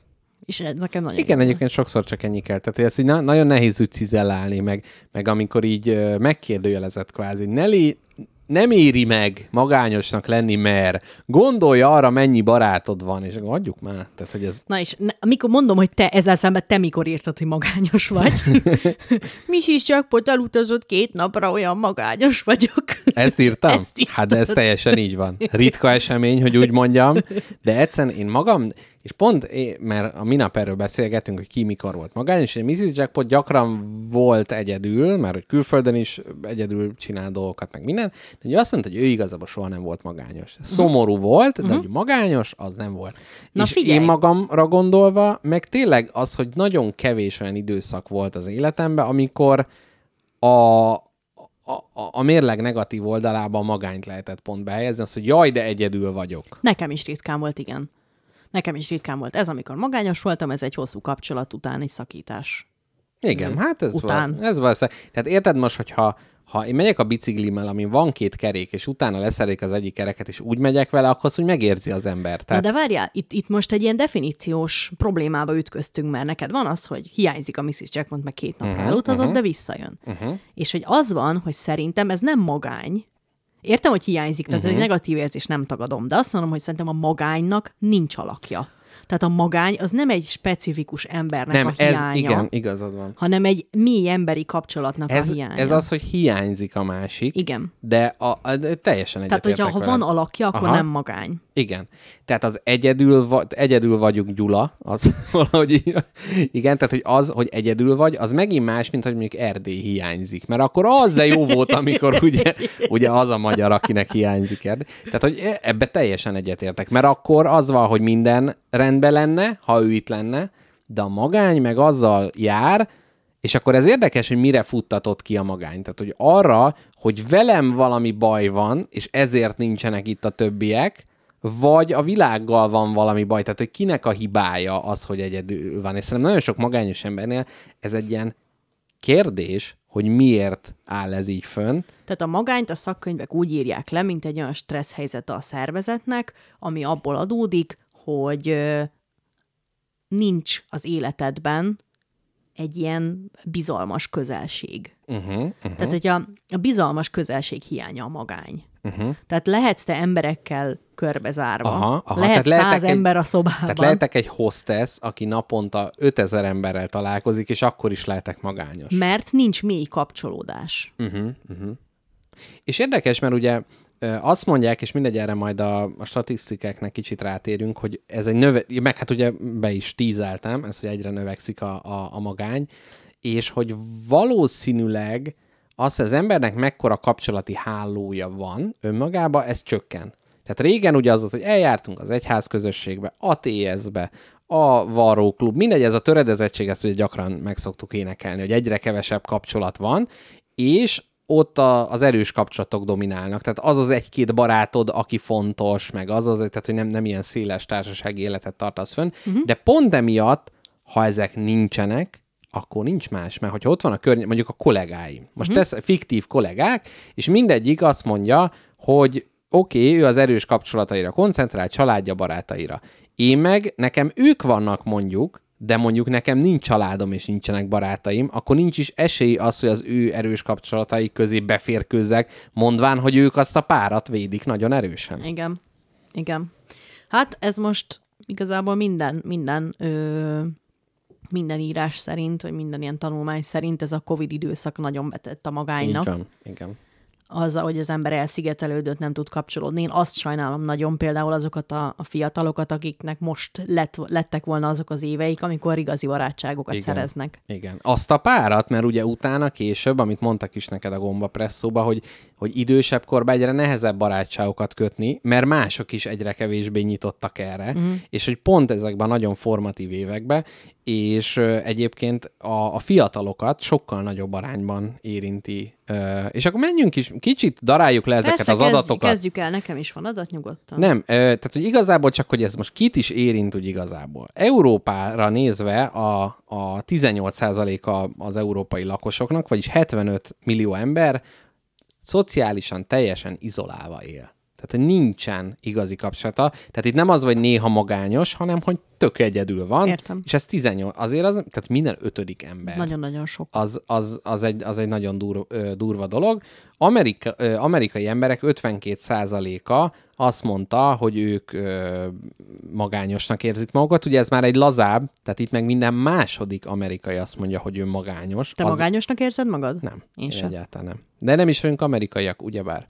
És azt mondja, hogy ö, 47%-uk ö, ezen belül azt mondja, hogy a kapcsolatuk nem jelentőségteljesek. Not meaningful, Aha. mondja az amerikai ekkor. A, attól függetlenül, hogy valaki egyedülálló vagy sem, az 57%-a az amerikaiaknak egyedül étkezik. Valahogy, tehát itt is van az a, ö, ugye gyakran idézem a gimnáziumi éveket, mint egy ilyen stand-up komedista, ugye ezekből így jól lehet táplálkozni, és ott volt az, a fizika tanárunk, aki mondta, hogy a tekercs például anyád vibrátora egy tekercs, vagy vegyél a nővérednek egy, nagyobb vibra- egy kisebb vibrátort, hogy hozzászokjon a valósághoz, illetve Bódi Ábel ne jobbról balra ír le az egyenletet a táblára, és ezzel egy burkolt zsidózást is. Tehát, hogy egy ilyen abszolút, hát egy ilyen butha léttől igen távol álló ö, ember volt, és ő mondta azt, hogy az a család, ahol nem étkeznek együtt, az egy szar család. És ez, azért ez elég hárs, de valahol, valahol talán egy kicsi igazság benne van. Vagy nem? Tök fura, mert nekem is nagyon fontos ez. Igen. Nekem is nagyon fontos. És hogy az egy ilyen, És, egy ilyen közös terep. És hogy persze az, hogy most, meg ne, nekünk is ez, hogy ja, mindenki egyen akkor, amikor éhes. De hogy igazából ne. Ja. Tudom, hogy én ebben bűnös vagyok, mert, mert ö, például amikor otthon vagyok vidéken, uh-huh. akkor nagyon nehéz összehangolni ezeket, mert apám, 11.30-kor ebéd. apám egy nagyon-nagyon-nagyon-nagyon erős random generátorral működik. Ja, aha. Tehát vagy, vagy 11.30-kor, vagy 6 óra 50-kor, vagy 6 óra 90-kor ebédel, uh-huh. de konkrétan tényleg dob egyet egy 20 oldalú kockával, és akkor az lesz. Uh-huh, uh-huh. Hát most nem, most be, bereggeliztem. Úgyhogy mivel rájuk nem lehet számítani, és ha megyek valahova, akkor kihúzom magam ez alól. Uh-huh, uh-huh. Illetve mikor készültem a, a szakdolgozatomra akkor is. De akkor azért, mert egy nagyon, nagyon erős és, egy, és nagyon rugalmatlan saját napi rendszerint kellett élni. Uh-huh. De ha van erre lehetőség, akkor én nagyon szeretek emberek. Tehát, hogy egy, egy ebédet elfogyasztani a számodra egy asztalhoz leülni valakivel szerintem nagyon nagy erőt hordoz. Abszolút, igen. Nem véletlenül, ugye, Krisztus is a tanítványokkal egy tetszetős vacsora közben osztotta meg a tipjeit A és megosztani valót. A megosztani. Tipjeit és Jézus tipjei és trükkjei. Ez a Biblia alcíme. Kicsoda! Na, szóval, ö, igen, igen, igen. 58% az amerikaiaknak azt mondja, hogy néha, vagy mindig úgy érzik, hogy őket senki nem érti meg. Uh-huh. Azért ez is egy rossz érzés. Hány százalék? 58. Áj, Az sok. Nem értenek meg. nagyon. Azt mondja, a fiatal emberek sokkal magányosabbak, mint az öregek, vagy a középkorúak, és ö, egy kutatás szerint a Gen Z-nek, vagyis az én generációnak 73%-a néha vagy mindig magányosnak érzi magát. Gondolnánk, hogy jaj, hülye Gen Z, Minecraft meg minden, de hát mi a milleniáloknál ez a szám szintén 73%. Na, akkor Ellenben körtelésén egymásra találtunk ebben a százalékban is. ő Gen Z. Ő Gen Z. Jézusom. Jó, de ez nem büntető ez tétel. Nem. Ez, várja, mi lilium tiprás? Nem. Na, azt mondja, a Gen X, ami meg ugye a szüleinknek a generációja, náluk csak 30 százalék. Tehát, Mert hogy, nem vallják be, mert nem tudnak az érzéseikről beszélni. tehát azt mondod, hogy rejtve ott van, tehát igazából ők is ugyanolyan magányosak, csak ők sokkal, róla? sokkal magányosabbak. Ők azért kezdenek el gyűjtögetni, mert meg, meg megbolondulni, mert magányosak. Hát, mert nem de tudnak figyelj, beszélni de az figyelj, azért ők még abban az időszakban cseperedtek föl, amikor még lehetett rendesen gyereket szülni, meg kapcsolatokat teremteni, meg osztálytalálkozókra járnak, meg minden. Igen, Most aztán meg- saját pongyolaságukból építették ezt le, és nem bírnak ezzel a, ennek a súlyával együtt élni. Aha, tehát káposztelepét az adathamisítás hazugság által, már hogy ők ugye nem vallják Engem nem be. vernek át, engem nem vernek át. Na, akkor viszont, ami talán meggyőz, ami mondjuk úgy, hogy átverésre gyakorlatilag kizárja a hazugságot, ugyanis az öngyilkossági ráta is a 10 és 24 éves kor között a lehető legmagasabb. Tehát itt nincs az, hogy igazából öngyilkos lettem, de nem vallom be, ugye? Tehát ez, ez például egy nehezebb dolog. Tehát, hogy ez is, és ez gyakran ugye a magánnyal összefüggésbe hozzák, ugyanúgy, hogy a depressziót is okozza a magány, és a többi, és a többi. A, a legérintettebbek a milleniálok között a nők. A nőket sokkal jobban ö, érinti ez a dolog, a magány? a magány, és képzeld el, 42%-a a milleniál nőknek azt mondja, hogy jobban félnek a magánytól, mint a rák diagnózisától. Uh-huh.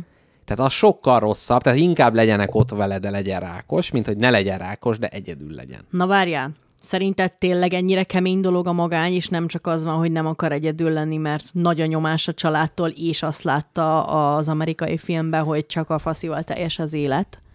Vagy hát, tényleg annyira erős egy emberben a társasági vágy, vagy a vágy a társaságra, meg a megértésre, hogy az mindenek Igen, de lehet, van. hogy azt mondja, hogy ha egyedül lennék, az rosszabb a halálnál. Tehát az, hogy egyedül, hogy élek, de senki De ez felé... nem, ez nem igaz. Tehát ezt tudjuk, hogy ez nem igaz. Hát az ő perspektívájából. nagyon a kevés te, dolog A rosszabb te, mert a a milleniál nőknél 40, tehát akkor te a 58%-ba tartozol. Aki szerint inkább a magány, mint a rák diagnózis. Na várjunk, de káposztelepkének itt nagy a szája. Amikor hát neki ugye van egy körtelés, van egy élete. Most válasszál, nem, en- ilyen választás elé nem mert... állíthatsz. De melyiket választanád? Nem. Hogy az életem vagy a magány. Hát nem, Tehát, a rák diagnózis, amiben Nem. ugye benne van egy Nem, 20-20 nincs, ked, nincs kedvem ízetlenkedni most. Jó, ez nem... Nem ízetlenkedés, csak szenzitív téma. Ja, jó, oké. Na, akkor, hogy egy nem szenzitív téma jöjjön, a melegek közt nagyobb, főleg a férfiaknál a magány aránya. Fú, de izé vagy, komolyan mondom. Mi? Hát kik, de mi most miért? Hát itt nem, van nem azon mondom, csak olyan kis izé, hogy mondják ezt. Köcsög. Igen. Kicsoda! Te. Na, szóval, és a férfiak egyébként összességében egy kicsit magányosabbak a nőknél, de csak icipicit. Tehát, hogy meg egyébként voltak ilyen teljesen oda, hogy a hispano-amerikaiak azok magányosabbak, mint a feketék, meg az ázsiaiak. E, De ez, ezek, ezek szerintem, hogy úgy mondjam, nem egyenes oksági kapcsolat van, inkább összetétel hatás mutatkozik meg. Na ennyit, ennyit az adatokról, csak igazából azért e, tűnt ez fontosnak, hogy az látszik belőle, hogy ez egy egyre fontosabb dolog, mi magunk is növekszünk föl, és a következő generáció is magányos. Ja, és még egy volt a, a japán, japánok kapcsán, ez nem tudom, hogy hova tűnt, de valami ilyesmi volt, hogy 2040-re az embereknek nem tudom én hány százaléka, az, igen, 2040-re az öregek 40 százaléka teljesen egyedül lesz. Tehát, hogy egyedül fognak élni. Ami most jöttem rá, hogy ez az egész téma elég szenzitív, amiről beszélünk. Hát igen, by the way.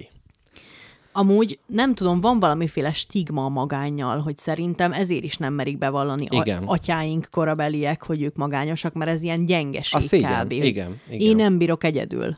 Tehát, Igen. hogy ez annak a bevallása, hogy nem vagyok egész. Valami baj van. Igen, meg a gyengességnek, a be, mert valahol, tehát hogy ez egy gyengeség. Tehát nem, nem úgy, hogy te gyenge vagy, de ez olyan, mintha azt mondod, hogy nem tudom én, a- ki van ficamodva a bokám évek óta, az úgy, úgy az a gyengeségnek a jele, és ugyanúgy az, hogy magányos vagyok, vagy depressziós vagyok, vagy valami, ez á, te már túl magad rajta. De ez a stigmatizálás, képzeld el, ö, így az amerikaiaknál például a megítélése az ilyen tömeggyilkosoknak, hogy ha kiderül, hogy egy lónerről van szó, egy magányos farkas, akkor mindenki megnyugszik. Tehát akkor az, hogy ja, hát nem közülünk való, hát ő egy, ő már eleve nem volt ki mind a négy kereke, egy ilyen magányos, furcsa alak, és hogy ezzel annyira a mi és az ők, tehát hogy valaki magányban van, és már ezzel is őt ugye áttesszük a folyó Igen, túloldalára, meg, hogy jaj, hát őt piszkálták gyerekkorába. Akkor meg kell neki bocsátani azt, hogy felrobbant egy iskolát. Ja, igen, ez, jó, ez egy, ez egy külön téma az ilyen true crime-oknál, hogy mindig ez, hogy jaj, nehéz gyerekkora volt. Hát most érted, velem se beszélt a nagyapám 12 évig, aztán mégis milyen kiegyensúlyozott vagyok. Jó, most káposztelepke úgy néz rám, hogy milyen nem szenzitív vagyok. Nem, nem, én csak, én csak gondolkodok ezen a témán. Ja, értem, értem, azt hittem. Akkor Nem, én csak komolyan, én csak most második szegmens csinálok ebből. Rád projektáltam a, a, a dolgokat. Na, én fölírtam még néhány dolgot. Jó. Nézzük meg, hogy melyikről tudunk esetleg elindulni. A stigmatizációhoz hozzátehetek még valamit? Persze, persze, persze. Hogy ö, például szerintem ez a magány stigmatizálás, hogy, hogy így nem mondod el, hogy magányos vagy, nem keresel ilyen igazi tartalmas uh-huh. kapcsolatokat, mert nem tudod, hogy hogy mondjuk, mert azért vagy magányos, mert eddig se tudtad. Uh-huh. De ettől ezt még igyekszel kendőzni, és igyekszel egy funkcionáló emberként mozogni a társadalomba, és eljársz helyekre, és igazából uh-huh. utálod, hogy menned kell, utálod, hogy ott vagy, és mikor hazajöttél, utálod, hogy elmentél, Aha, aha. mert elment az életedből 8 óra, Ami egy neked nem megfelelő környezetben nem zajlott. megfelelő környezetbe, uh-huh. csak azért, hogy Mozdulj ki, igen, jót tesz. és hogy ahelyett, hogy egy, hogy mondjuk tényleg egy igazi ö, erős emberi kapcsolatot próbálnál vagy feléleszteni, uh-huh. vagy megalapozni, ehelyett az ilyen fiszfasz megoldásokkal próbálkozol operálni, hogy akkor elmész nagy társaságba, kimozdulsz, kilépsz a komfortzónádból. Uh-huh. Szerintem ez nem, ez nagyon rossz megoldás magányra, hogy elmész 30 ember közé, Igen, igen. Egyébként... ö, Ír rá a gimis legjobb barátodra. Ír rá a szomszédodra. jó, de vannak azok a furcsák, akik 50 éve nem beszéltünk, aztán rám ír. 12 éve nem beszélünk, aztán rám ír, hogy vacsorázunk egy. Ö, Abszolút ideillő, szóval nem kell megijedni, erre, erre kapcsolódik, hogy a valószínűleg a viccesen járó órákhoz hasonló fő bűne a világunknak az introvertált, extrovertált dihotómia föltalálása.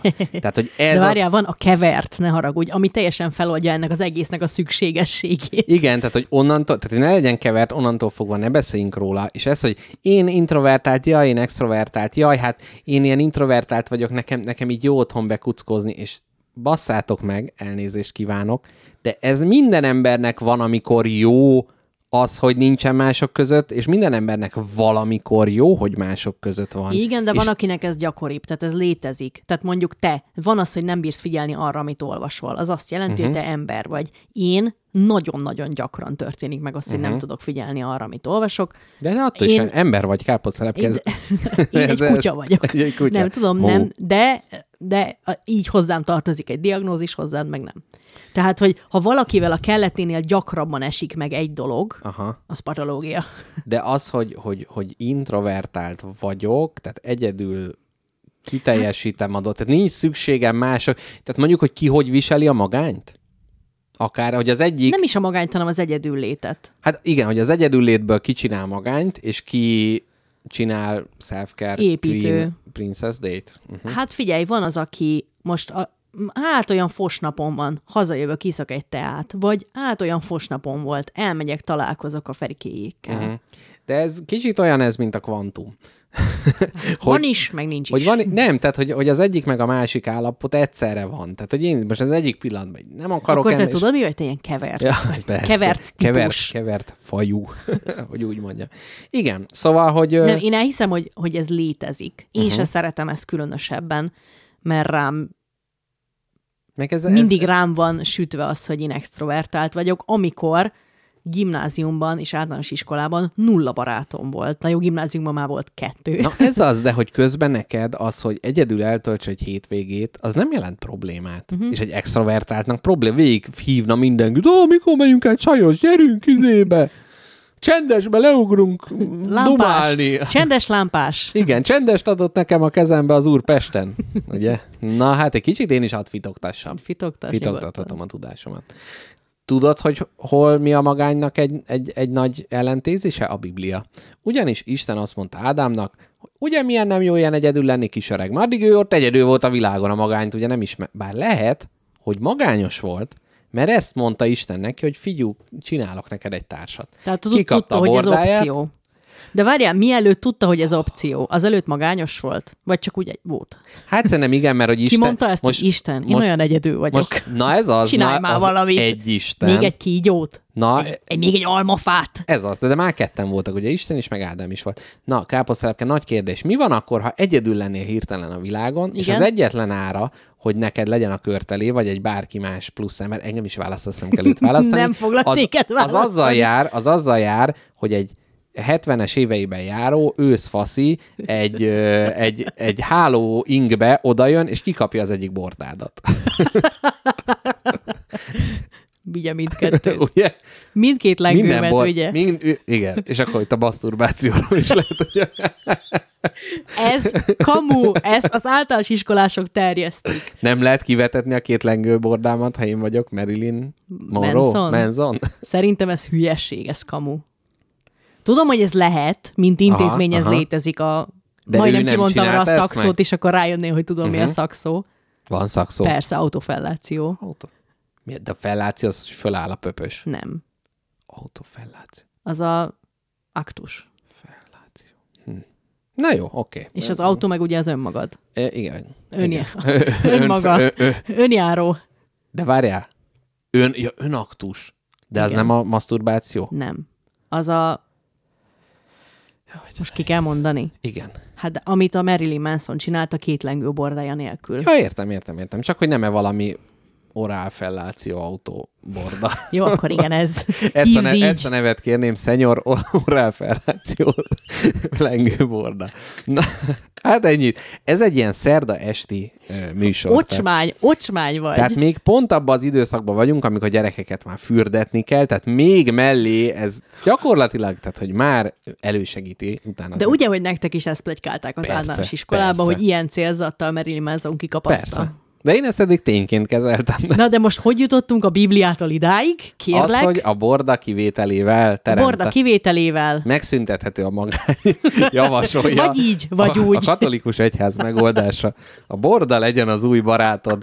Erről jut eszembe, olyan jók azok az Bordátlanul. Nincs magány. Borderline. Na igen, erről jut eszembe, hogy milyen jók azok az amerikai ilyen spektrum dokumentumfilmek, amikor a, a afroamerikai bácsik füstölik az ilyen ribeket, és akkor azokról szopogatják le a húst. Már itt a leszopogatás az nem vissza. De mi ez a ribek? Rib. Hát az a borda. Ja, borda. Na, ja, van. bocsánat, Csak azt hogy hittem az... valami ribek. Ribik. Na, Na, most na, már szedjük. na. Na, na, elnézést. Na. Elvonatkoztatok. Jó, na, kérlek szépen, a, a, az egyedül lét egyébként, hogy ez így hogyan lett gyakorlatilag a kapitalizmus által elősegítve és támogatva, az első például a rádióban, amikor bekerültek a nevetősávok, mert hallgattad a vicceset, de Aha. egyedül, hogy ne egyedül, hanem hogy úgy érezd, hogy legyen társaságod. Nincs. Azt Nincs, nincs a azt hittem, nevetés. Csoda. azt hittem, hogy van még nevetés, tehát hogy ez arra volt szükség, hogy egyfajta közösséget érezzenek, és hogy milyen érdekes például, hogy a Lumié fivérek, melyről nem olyan régiben lehetett egy jó kis podcastot hallgatni, hogy ott is az volt a találmánynak a lényege, hogy a mozit már megcsinálták, úgyhogy te egyedül nézheted, uh-huh. de utána a Lumié fivérek kitalálták, hogy hogy tudjuk többen egyszerre nézni, uh-huh. és utána a tévé föltalálása mit csinált? Az, hogy kurvára ne kelljen mással nézni, mert rugdossa a széked, odafingik, smárol, és patogatott kukoricát rak a füledbe. Ez nem jó. Ezért az ember már ott elmagányosodik, már ne menjen oda. Akkor ezek a TV étkezés, ugye, amit a Twin Peaks-nél beszéltünk, hogy a cream corn teszik a tévé előtt, hát ez is az, hogy nem társaság, nem beszélgetünk evés közben, uh-huh. nézzük a tévét. Uh-huh. És a tévé egyfajta csalódásmentes kapcsolat, hogy ott a jó barátokban Rachel és rossz minden, de ez ugye nekem nem rossz. Rossz, minden. A jó barátokban Rachel is rossz minden. A jó barátokban rossz minden. Így van. Tehát, hogy ez is, meg a házhoz szállítás, nem az, hogy lemész a, a törzs helyedre enni, hanem akkor már házhoz hozod, ne kelljen kapcsolatba kerülni. Uh-huh. És az, hogy az otthonunk is egyre komfortosabbá válik, és ugye mindent be akarunk hozni, Hogy könnyű magányosnak már lenni. így. úszodát rakunk, a, vagy mi medencét rakunk a kertbe, ott sütögetheted, hogy semmilyen, tehát nem az, hogy elmész kirándulsz valakikkel. és Bevásárlást elintézed online. Így van, és erre, és erre, na hát nem fizettek nekünk, úgyhogy ezt szívd is vissza. Szóval, öm, igen, a Covid erre uh-huh. nagyon rátett. Ez a kifli.hu-ról jutott eszembe, tehát ott, mint hogy Én ez akkor még rendeltem onnan, amikor covidos voltam. Inkább... Uh-huh. Jött a futár, mondtam neki, mondtam neki folytott hangon, hogy tedd le a küszöb előtt, ha Tedd le. akarsz. Nem, te tedd le, mondta erre ő. Na, ö, képzeld el, ö, van egy érdekes párhuzam, Na. hogy, hogy szerintem, ha az ember magányos, akkor nincsenek ilyen, ö, nincsenek Határok. ilyen igazi mély kötődései. Uh-huh. De hogyha nincsenek ilyen igazi mély kötődései, és rájön, hogy magányos, akkor elkezd kapkodni, és elkezdi ezeket a mély kötődéseket olyan helyen keresni, ahol az nem lesz meg feltétlen. Aha. És nem tudom, ráírsz a Ez a maszturbációhoz kapcsolódik? nem, Vagy? Uh-huh. ne, ne, rá- ne ráncsuk Jó, már le az igen, egész adást. igen, igen, Komolyan igen. mondom, most Jó. már szerintem ki pöpösködted magad. Jó van, igen. Na. Én ráír régi barátokra. Szerintem ez téged foglalkoztat, mert ezt gyakran előhozod. Én például soha nem írok rá régi barátokra. De nem, ne, én sem, nem erről van szó, Ja? Uh-huh. hanem hogy, hanem hogy megpróbáld ezt a kapcsolatot rossz helyeken keresni, meg mindenhol. És neked nem volt olyan, hogy emberekkel is csináltad azt, mint amit ilyen furcsa kis tárgyakkal, nem a, nem a tökkel, amit te leköpködtél, ne röhögj, hanem mit tudom én, egy csavar, amit elraksz, mert jó lesz valamire. Te emberekkel csinálod ezt, hogy igen, Elrakom megtartom a, őket, mert jó lesz valamire? megtartom a jó kapcsolatot, ezt a fele, felületes, Ah, uh-huh, úgymond elteszem a még beszélhetünk, még kérhetek szívességet fiókba az embert. Tehát annak ellenére, hogy most nem kell az emberi kapcsolat, ez későbbre kellhet, Értem. és elraktározom. Abszolút, abszolút releváns. Igazából az van, hogy elteszem, de aztán nem öntözöm, és azért elrohadt. Uh-huh. Tehát, hogy i- inkább az van, hogy nincs egy, nem minden kapcsolatot egy ilyen jelenettel zárok le, hogy vége, de hogy utána, hogy ha, ha, ha úgy nincs, nincs a- apropója a dolognak, Akkor akkor, nem. akkor nem annyira. Uh-huh. És te magad hogy, hogy viszonyulsz ehhez a Szerintem én dologhoz? ugyanígy én nagyon nem vagyok híve ennek a, az embergyűjtögetésnek, hogy Igen, de hogy te se vagy a- híve a kidobásnak. Hát annak nem nagyon, de szerintem itt természetesen el tudnak halni a dolgok. Azt mondja, Dogfish, nincs testvérem, tök jól el vagyok egyedül. Fú, szüleink generációja tényleg nem tud beszélni az érzéseiről. Én próbálom őket, őket edukálni ebből a szempontból, és beszéltetem őket. Igen. Azt a kurva milyen tanár lehetett, ezt nem tudom, hogy mire mondta Petya. Ja, vödör. Igen, a vödör fölrugás.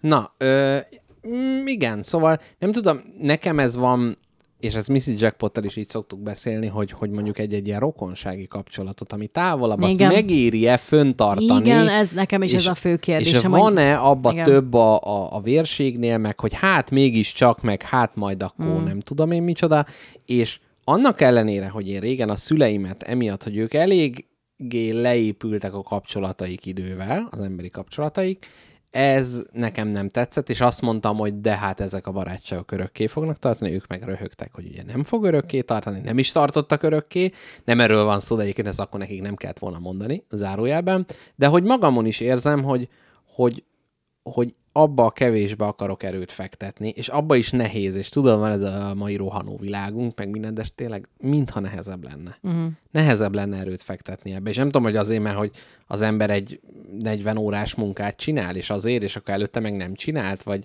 nem tudom. Va- va- valahogy azt érzem, hogy tényleg nem, egyszerűen nem vesztek azzal, ha behozok még egy szereplőt, mert azzal mindenki mástól el kell vennem időt. Igen, ez kicsit nehéz nekem is, hogy például a múlt héten szinte minden nap találkoztam valamelyik barátommal, de nem azért, hogy ne legyek egyedül, hanem mert tényleg rég láttam, szerettem uh-huh. volna találkozni, érdekelt, hogy hogy van, és tökre elfáradtam ebbe. És Haj, de nagyon. nagyon-nagyon jó volt, természetesen egyiket sem mondtam volna le, és viszont ez idő. És Igen. hogy szerintem ennek az is része, hogy az embereknek több melója van, és uh-huh. hogy kevesebb esetben tudod már otthagyni a munkahelyeden a munkát. Abszolút, tehát ez, Ez nem ahogy... az, hogy elmész sepregetni, és akkor kakukos óra kakukol, leteszed a seprűt, és holnap reggel veszed fel Igen, újra, hanem nem, igen. otthon is hagyja az, hogy Abszolút, meg főleg home office, meg Igen. mit tudom én, holnap, mi, ez, ez te, teljesen benne van. tehát így hogy legyen az embernek ereje. Én azt mondom, a következőt propózolom, hmm. hogy legyen négy munkanap a héten, de nem ám 10 óra, 8 órás. Tehát né- négyszer 8 óra, legyen egy nap, ami a, a Barátnap. kapcs- így van, a kapcsolataink ápolása, és utána le- legyen egy rendes hétvége. Mert nekem most szombaton az volt az érzésem, hogy találkoztam Z-vel, káposztalepkével, együtt töltöttük a napot, tök jó volt, de aztán már csak egy vasárnap volt. Hát micsoda dolog ez? Na, tehát ez oda az. még ugye egy hétvégi nap el kellett volna, és ezzel, tehát nem csak kell, hanem így kell Barátnap. fölpesdíteni a igen, az emberi kapcsolatok, meg a rokonlátogatás is olyan, hogyha hétvégéből veszik el, milyen szar, de ha van egy nap, amikor nem lehetsz egy magad, de nem is dolgozhatsz, akkor mondjuk a magányos emberek ezt megszívnák. Ők átugranák a pénteket, átaludnák.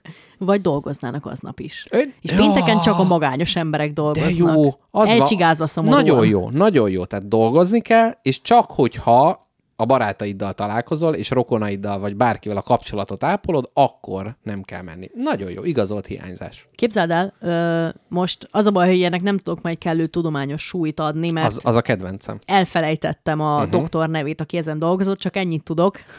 Uh-huh. Boldogságkutató. Ó, az olyan, mint a jövőkutató, aha, Tehát- illetve a, hú, mi is ez a kapcsolat, há, na mindegy, van Nem, ez a hálózatkutató, ezek mind ugyanolyan. Ugyanaz. ő egy komoly, ő egy komoly, komoly, or, komoly brit orvos. Igen, vannak is ilyenek. Csak hát a, a hangzatos boldogságkutató névvel illették őt. Ami az, ami ő, őt az Hát jó érdekelte, nickname. Hát mi az élet? Boldogságkutatás, ennyi. és na, ő ezt mesterfokon űzi, uh-huh. és neki az volt a legutolsó projektje, hogy, hogy a magányról kutatott, uh-huh. és arról, hogy mit teszi, emberek, mit teszi az embereket igazán boldoggá. És azt mondta, hogy kettő fő csapás van, és ezt bárki tagadja, az hülye, uh-huh. és hogy A modellvasút, és mi a másik? nem. Az egyik az, Látod, most sem hogy mondtam ki a maszturbációt. Nem mindegy, csak megdicsérettél volna. Igen? ügyes vagy. Na most, hogy ezen túl vagyunk, folytatom a boldogságkutató kutatását. Szóval azt mondta, hogy két fő út van. Az egyik út életének célja, az ember életének célja uh-huh. szempontjából. Tehát az egyik út, ami egy ilyen e- külső externális szót akartam használni, csak Teljesen nem jó. mertem. Külső inger, uh-huh. hogy az ember életének a célja mi kell legyen, a pénz, a siker és a hatalom. Ez a három fő külső mozgató rugója van egy embernek. Pénz, uh-huh. siker, hatalom. Tehát vagy és mi hírnév. van, mi van, hogyha mondjuk valaki a, a, anya akar lenni és gyerekeket? Tehát, hogy az se pénz, se hírnév, se... Tehát, hogy ott az, az, egy, az egy plusz. És van a Hogy másik... hatalom a gyerekeim fölött? Nem.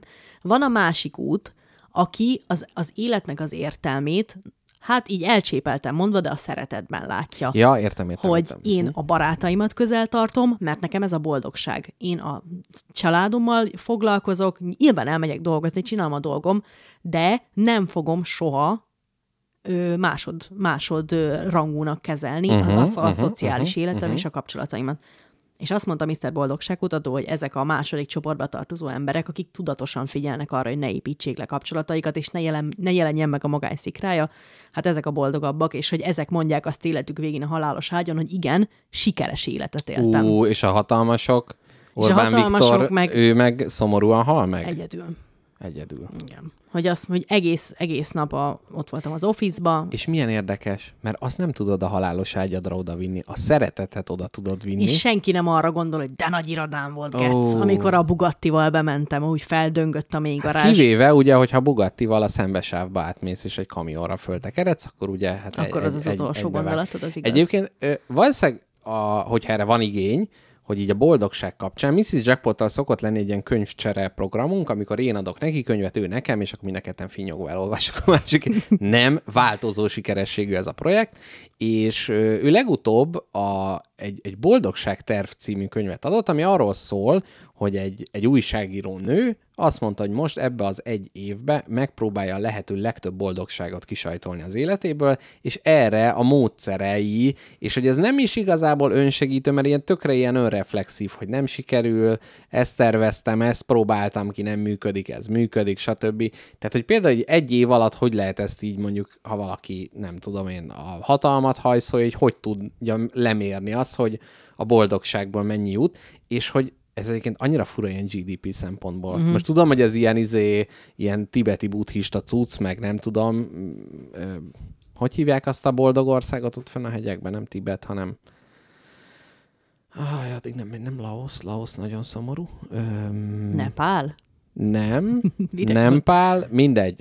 Kazincbarcika? Ka- így van, Kazinc Barcika fel. Tehát, hogy ahol nem a GDP-t nézik, hanem a Nemzeti Boldogság Indexet, és hogy az egy tök kis szegény ország, de tök boldogok az emberek, és hogy ez tényleg, hogyha most megnézzük azt, hogy minden egyes magyart megkérdezünk az év elején, meg az év végén, és az a siker, hogyha több boldog a végén, mint az elején. Hát, de Akkor hogy szarba vagyunk. De hogy miért, Houston, baj van. de miért nem lehet ez? Tehát ez mekkora egy ilyen sikerpropaganda lenne, hogy í, szegények vagyunk, de jól élünk, ahogy mondta nagyapám a másik.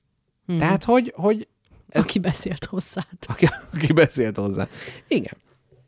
Na mindegy. Szóval, hogy ez egy...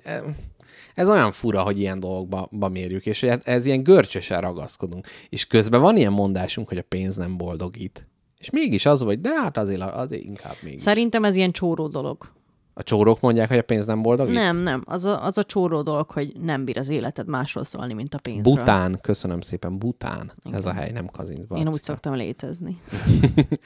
szóval, hogy szerintem van a magyar emberben egy ilyen kuporgató hajlam, meg egy szükség, amit nem lehet nem égetőként felfogni, hogy kell, kell a pénz is, ezért Jó, de a GDP nem növekedés, de az nem arról szól, hogy, hogy izé, kinna a flaszteren fekszünk és nyaljuk fel a patkányvért. Tehát, hogy itt nem arról van szó, hanem az, hogy idén, az, tehát, hogy ez Jó, az, értem, hogy értem. tavaly gyártottunk ezer autót, Na jó. idén gyártottunk 1200 Na jó, autót. mivel lehetne a híresen boldogtól a magyar népet egy év alatt megboldogítani? Kommunizmus. Na, ezt kisípoltuk, igen. Várjál, Megboldogítani? Hát, mi, mi lenne jó? Mitől lenne az, hogy a Na ez, ezt mínusz, szeretem, min- amikor ilyen operatív kérdéseket teszel föl. mínusz kettes boldogság rátánkat hogy lehetne feltolni mondjuk jövő év végére 60-ra? 60 százalék Mhm, boldog ember. Hát két út van.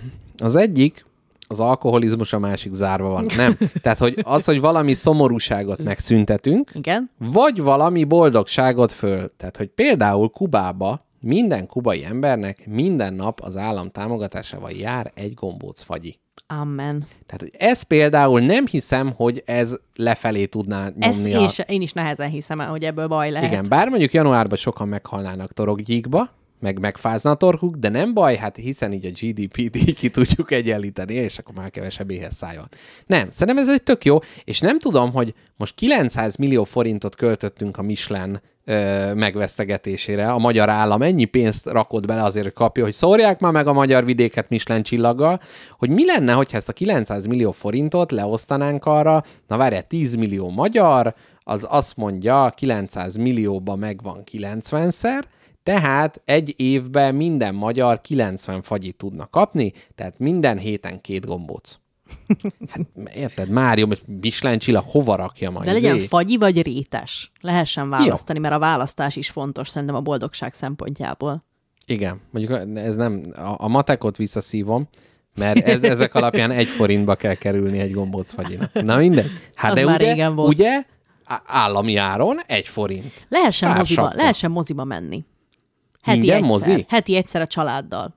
Barátokkal. Te mennél? Persze. Persze. Én nem mennék. Már nem tudom, hogy, tehát, hogy most, tehát, hogy azért az, hogy a filmek, amik érdekelnek, tehát, hogy most nem lenne az, hogy te kápi, menjünk már moziba, mert ennyire itt leülhetnénk a kanapémon megnézni a laptopon. Jó, az... de jó filmek fognak menni. Mert Ja. én leszek a mozi igazgató. Uh-huh. A moziügyi miniszter. Én ebbe annyira nem hiszek. Mi lenne, ha valami, valami állatsimogatás? Az mindig jó. Nincs, a, nincs az a kutyaszőr allergiás, aki egy lámát ne Ez simogat. nem ad eleget a lelkednek szerintem. Ha minden nap lenne kirendelt simogatni való izé, hangyásűn. De mondjuk a szeretetadás az jó ö, módszer arra, hogy az ember boldog legyen. Tehát, hogy ez, ez is kimutatható, hogy nem csak az, hogy a kapod a szeretetet, akkor jó, hanem adni is nagyon jó. és, be, és bevezetnénk, hogy mindenkinek ajándékoznia kell minden nap.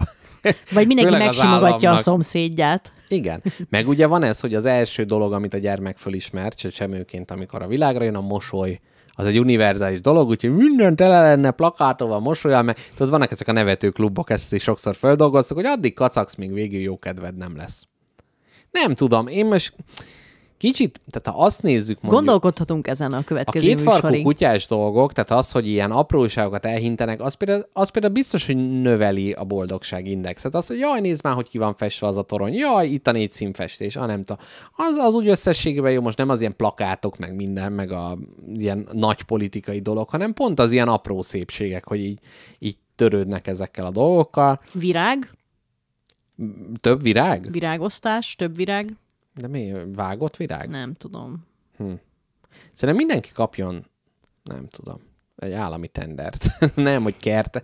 Nem tudom, gyerekek, ez nehéz. Igen. Na, következő adásban megfejtjük, ne álljunk Jó. meg ezen, de ezt ajánljuk. Igen, igen. Szóval ez, ez, e- erre, hogyha valaki már fölvirágoztatott egy országot, Szerintem ilyen, egy boldog nép jól szavaz. szerintem is. Hát abszolút, abszolút. Most az, kevesebb van a kenyére, hát mindegy, mert úgyis olyan sok volt. Na, káposztelepke, én nem tudom, hogy magányügyileg még mi van benned. Én fődobok há néhány kulcsszót, aztán lehet az, hogy a földre hullik, és befejezzük az adást. Jól van. Ugyanis az egyik, amit felírtam, hogy a cowboy és a vándor romantika, tehát ez a magányos cowboy, az igazi férfi kimegy, ő neki nem kell semmi, szia cigijét, és attól ugye menetel a halál felett. Szerintem ez a Marlboro Man dolog, ez menő. Uh-huh. A vándor az annyiban más, hogy az kapcsolatra lép emberekkel, de a cowboy igazából nem. Tehát ő a marhákra vigyáz, és élvezi a nagy egyedüllétet. Mert... Na igen, de ő neki azért nem kell más ember, mert nem tud más emberekkel interaktálni, mert elviselhetetlen és büdös. Uh-huh. Vagy azért, mert ő mindent megold egy maga. Ami Ah, szintén egy toxikus tulajdonság. Abszolút toxikus, de hogy megkapta a feladatot, azt megcsinálja, és ő olyan macsó, hogy én nem izé, vonulok be az eső elő, mint az állatok kint. Szerintem az, az egy ilyen toposz egyébként. Persze, abszolút, persze. abszolút egy ilyen Magányos, magányos... magányos hős. Igen, meg a, a remeteség, uh-huh. ugye ez, amit Zé ajánlott nekünk. Én ennek nem néztem utána, pedig Budaörsön lakott egy remete, akinek a házába belecsapott a villám, és azt mondta, hogy hogy jaj, valami, ha meggyógyul a feleségem a villámcsapásból, nem biztos, hogy így történik, akkor épít egy kis kápolnát, és meggyógyult, úgyhogy fölköltözött a hegyre, és ott egy lukba lakott, és fölépítette saját kezével a kápolnát. De a remetéknek van felesége. Hát igen, de otthon hagyják. Nem, visz, nem vitte magával a lyukba. Hát nem tudom. Ez most vagy így volt, vagy nem így volt. Lehet, hogy a gyereke volt, vagy valaki más. Ezt nem tudom. A lényeg az, hogy Istennek tett fogadalom Hát úgy, miatt... úgy könnyű remetének lenni, ha ott a családod. Képzeld el Luther Márton, az például tök izgi, hogy ő egy viharba annyira beijedt, hogy azt mondta, hogy ha túléli ezt a vihart, akkor Istennek ajánlja magát, túlélte a vihart, úgyhogy hát így lett ő aztán pap. Na, hát valakinek még jó, jól is kifityeg az ityeg. Szóval, hogy ez a remetesség is egy olyan érdekes, hogy valami en cél érdekében, általában vallási cél érdekében te minden más kapcsolatodat elvágod, és csak annak szenteled magadat, hogy például te mit tudnál mondjuk ilyennek kiválasztani? Mi a Skyrim? Vagy... Nem. Hát amúgy ez eszembe jutott nekem. Ezek, tök, ezek ilyen tök nagy ilyen romantikus vágyálmaim, hogy ö, mikor van ez, hogy az írók kibérelnek egy faházat, oh, és elmennek írni, és Én akkor mostanában egy ezen szoktam csak... fantáziálni, És nem képzeld el, nekem is ez pörög bennem, hogy elmenni muzsikálni valahova egyedül. De meg, meg olyan, tehát rá lennél kényszerítve. Igen. Mert mit csinálok ott egy faházban? Igen, igen. Muszáj alkotni. Tehát a magánynak néha van olyan, vagy az egyedül létnek van egy olyan aspektus, ami téged rákényszerít arra, hogy egyedül legyél legbelsőbb gondolataiddal, és kelljen tenni valamit az ellen, hogy szarul legyél, és nem pedig mással beszélgetsz, és az elveszi a figyelmedet, hanem te magadat kell szórakoztatni, és Így életbe van. tartani. Tehát kell a beszáradt festék az alkotáshoz. Tényleg káposztelepke múlt héten adott tanácsaimat megfogadta, de... Igen, képzeld Na, el, és melyik? iszonyat, Hogy, szu- hogy szuperált? iszonyat sok dal, ö, iszonyat sok mondatot írtam le egy Mhm. uh-huh. dalból, még nincs dallá formálva, de egy A4-es papír tisztesen, Na. tisztesen, a, hát nem az egészet, de a, a bőfelét tisztesen beírtam hm. mondatokkal, amik eszembe jutottak, és ö, szerintem ez még több dalra is elég. Igen. És a, amit Zé mondott, hogy vannak mondatai, és aztán addig csereberéli a sorrendjüket, még egyszer jó nem lesz. Hát az a Vagy inkább következő az Eszterházis módszer, hogy ki baszod a 90%-át, és Nem, amit írtam, szerintem az mind jó. az mind jó. Aha. Igen. És azt kell majd bővíteni, illetve csereberélni, és mozgatni, és uh-huh. vagdosni. Tehát káposztelepke, mint egy ilyen, ilyen közel-keleti árus, aki is itt a piros, hol a pirossal gyakorlatilag rakosgatja, még előbb-utóbb Igen. ki nem zsebeli a másikat. Na, szóval a remeteség, Akarod ö... tudni, hogy miről fog szólni a dalom? akarom, s mint a barom, mely igába hajt. Mond. Érdekel tényleg? Persze, persze. Csak gondoltam, hogy Velszi Bárdok idézettel meg szórom. Ez Velszi Bárdok. Persze. Akarom, s mint a barom, mely igába hajt. Nem tudom, hogy melyik részén van, de mivel ezt az egy verset ismerem, csak bele Na jó van. Én, én tudom a Velszi Bárdokat, de most hirtelen ez nem ugrik. pörgeted, pörgeted, Igen, és pörgetem. nem... és Na mond, mond. csoport százszolgahót, hogy nézni is tere. Nem, ezt, ezt ki, googliz ki, meg nem akarom, hogy nem akarom elhinni, hogy neked igazad van. Barom, mely igába hajt. És már írják a hallgatók, hogy "Baj, te hülye Arany János Velszi Bárdok. Jó van. Na várjál. Azt mondja, ha már mint akarom, s mint a... Majd persze, ugorja, ugorja. A, az Addig nem megyünk tovább. Addig nem megyünk tovább. azt mondja, s a nép, az Isten adta nép, ha oly boldog-e rajt, igen, ha oly boldog-e rajt, mint akarom, s mint a barom, mely igába hajt. Ez fel a Velszi? ké- Igen. Jó van. Van-e ott folyó, és földje jó, legelőjén fű kövér? Uh-huh. Használta a megöntözés, a pártos honfivér. Hát itt már lehet. Én, én vajon kettesivel lapoztam ezt a verset? Igen. Na, hát szép. Pedig ez a harmadik verszak, az akarom, s mint a barom. Akkor a végét olvastam. Felség, valóban koronád legszebb gyémántja velsz, földet, folyót, legelni jót, hegyvölgyet benne lesz. Hát Per Krisztián után Arany Jánosba is alá merültünk. Na de, mondd, hogy mi van meg a dalból. Csak azon gondolkodtam, hogy az ember az tök sok helyen lakik, főleg egy ilyen, igen. főleg, egy, főleg egy ilyen modern ember, mint mi, hogy már albérletről albérletre, lakásból lakásba, Ja, hogy házból. úgy sok helyen, azt hittem, hogy fa tetején, földbe, ásott lyukba. Nem, nem, nem. Hogy tök sok helyen laktál már, és ezek a lakások végignézték az életednek egy-egy szakaszát, azt, ahogy sírtál, nevettél, meg minden történt veled, és tök nagy érzések születtek és haltak meg így a falak között, és így kíváncsi vagyok arra, hogy ezek a terek visznek-e belőled valamit tovább, mert te viszel a terekből Mhm. uh-huh. magadban valamit tovább, de hogy ezek a falak azt a rengeteg örömöt benne tudják-e tartani magukba, vagy, vagy esetleg majd kisugározzák a következő lakónak is. Milyen szép lenne, hogyha ezt úgy oldanád meg, hogy fogod ezt az összes helyet, ahol laksz, és egy nagy házba összerakod. Tehát ezek a lakások külön-külön megvannak, és ne pittyegél bele, amikor beszélek. Ilyesmit, ilyesmit szeretnénk. Ja, persze, neked ez már eszedbe jutott. Nem, ám, nem ám a jackpot mondta. lefotózom a papírt, és elolvashatod. Jó, de, de ott van a tegnapi újság előtte, remélem. ja, nem a holnapi. Így van, a holnapi újsággal a zsebembe. Így van, csak, csak, is így, csak is így lehet. Na, ez tök jó, és akkor ez, ez lesz a következő dalnak a témája? És, Hát me- ez a tervem most, igen. és melyik módszert alkalmaztad a javaslataim közül? Az, hogy azt mondtad, ha 5 percen kívül belül nem írsz valamit, akkor megpofozod magad, vagy eltiltottad magadat a vízivástól. Nem igazából most jöttem rá, hogy nem is a te módszeredet, hanem a Rakusztomi módszerét használtam. Azt mondja, csak csináld. És igaza, Kicsoda! és igaza volt, Jó, csak csináld. Ez, most ez hagyd ne mondjak semmit, hogy tehát ilyen bántó közhelyeket puffog. Tehát a csak... Na, és... De nem, Ah. nem, ezzel, ezzel azt mondta, hogy... ebből egy azt idézetet mondta, csinált, hogy csak csináld, nem, nem csak ezt mondta. ez nulla. Istenem, nem ezt mondta. Just do it. Na, igen. nem, hanem azt mondta, hogy írjak Trabant számokat.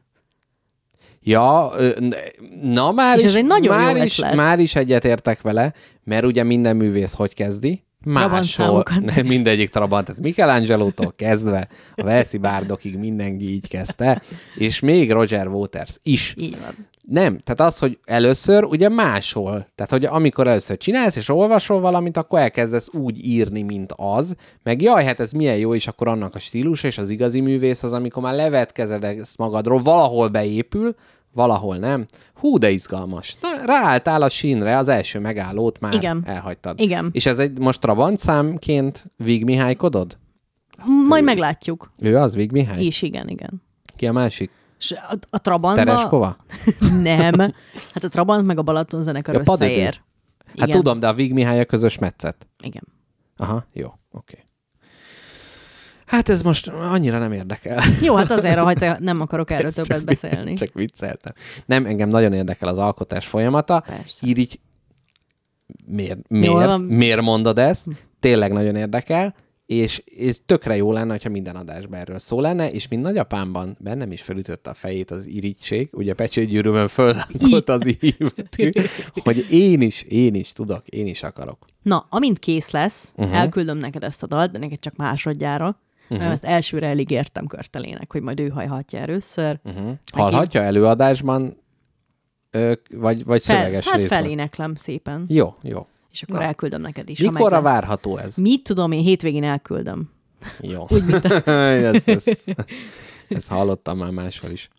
Na, ö, mindegy, még voltak ilyen, ja igen, igen, záró gondolat a remetességhez, ugye mondtam, hogy a Skyrim-mel foglalkoznám, most eszembe jutott, hogy nagyon szívesen valamelyik adásban beszámolnék neked, mint ahogy nem a Skyrim, mi az a gépállatokon lovagló Horizon. Horizon Zero Down, uh-huh. mit tudom én, és hogy abban ezek az istenségekről, amikor beszámoltál, és uh-huh. csügtem a szavaidon, uh-huh. hogy ilyen alapon az valamikor en- engeded el, hogy a Crash Bandicootnak a lóriát megosszam veled.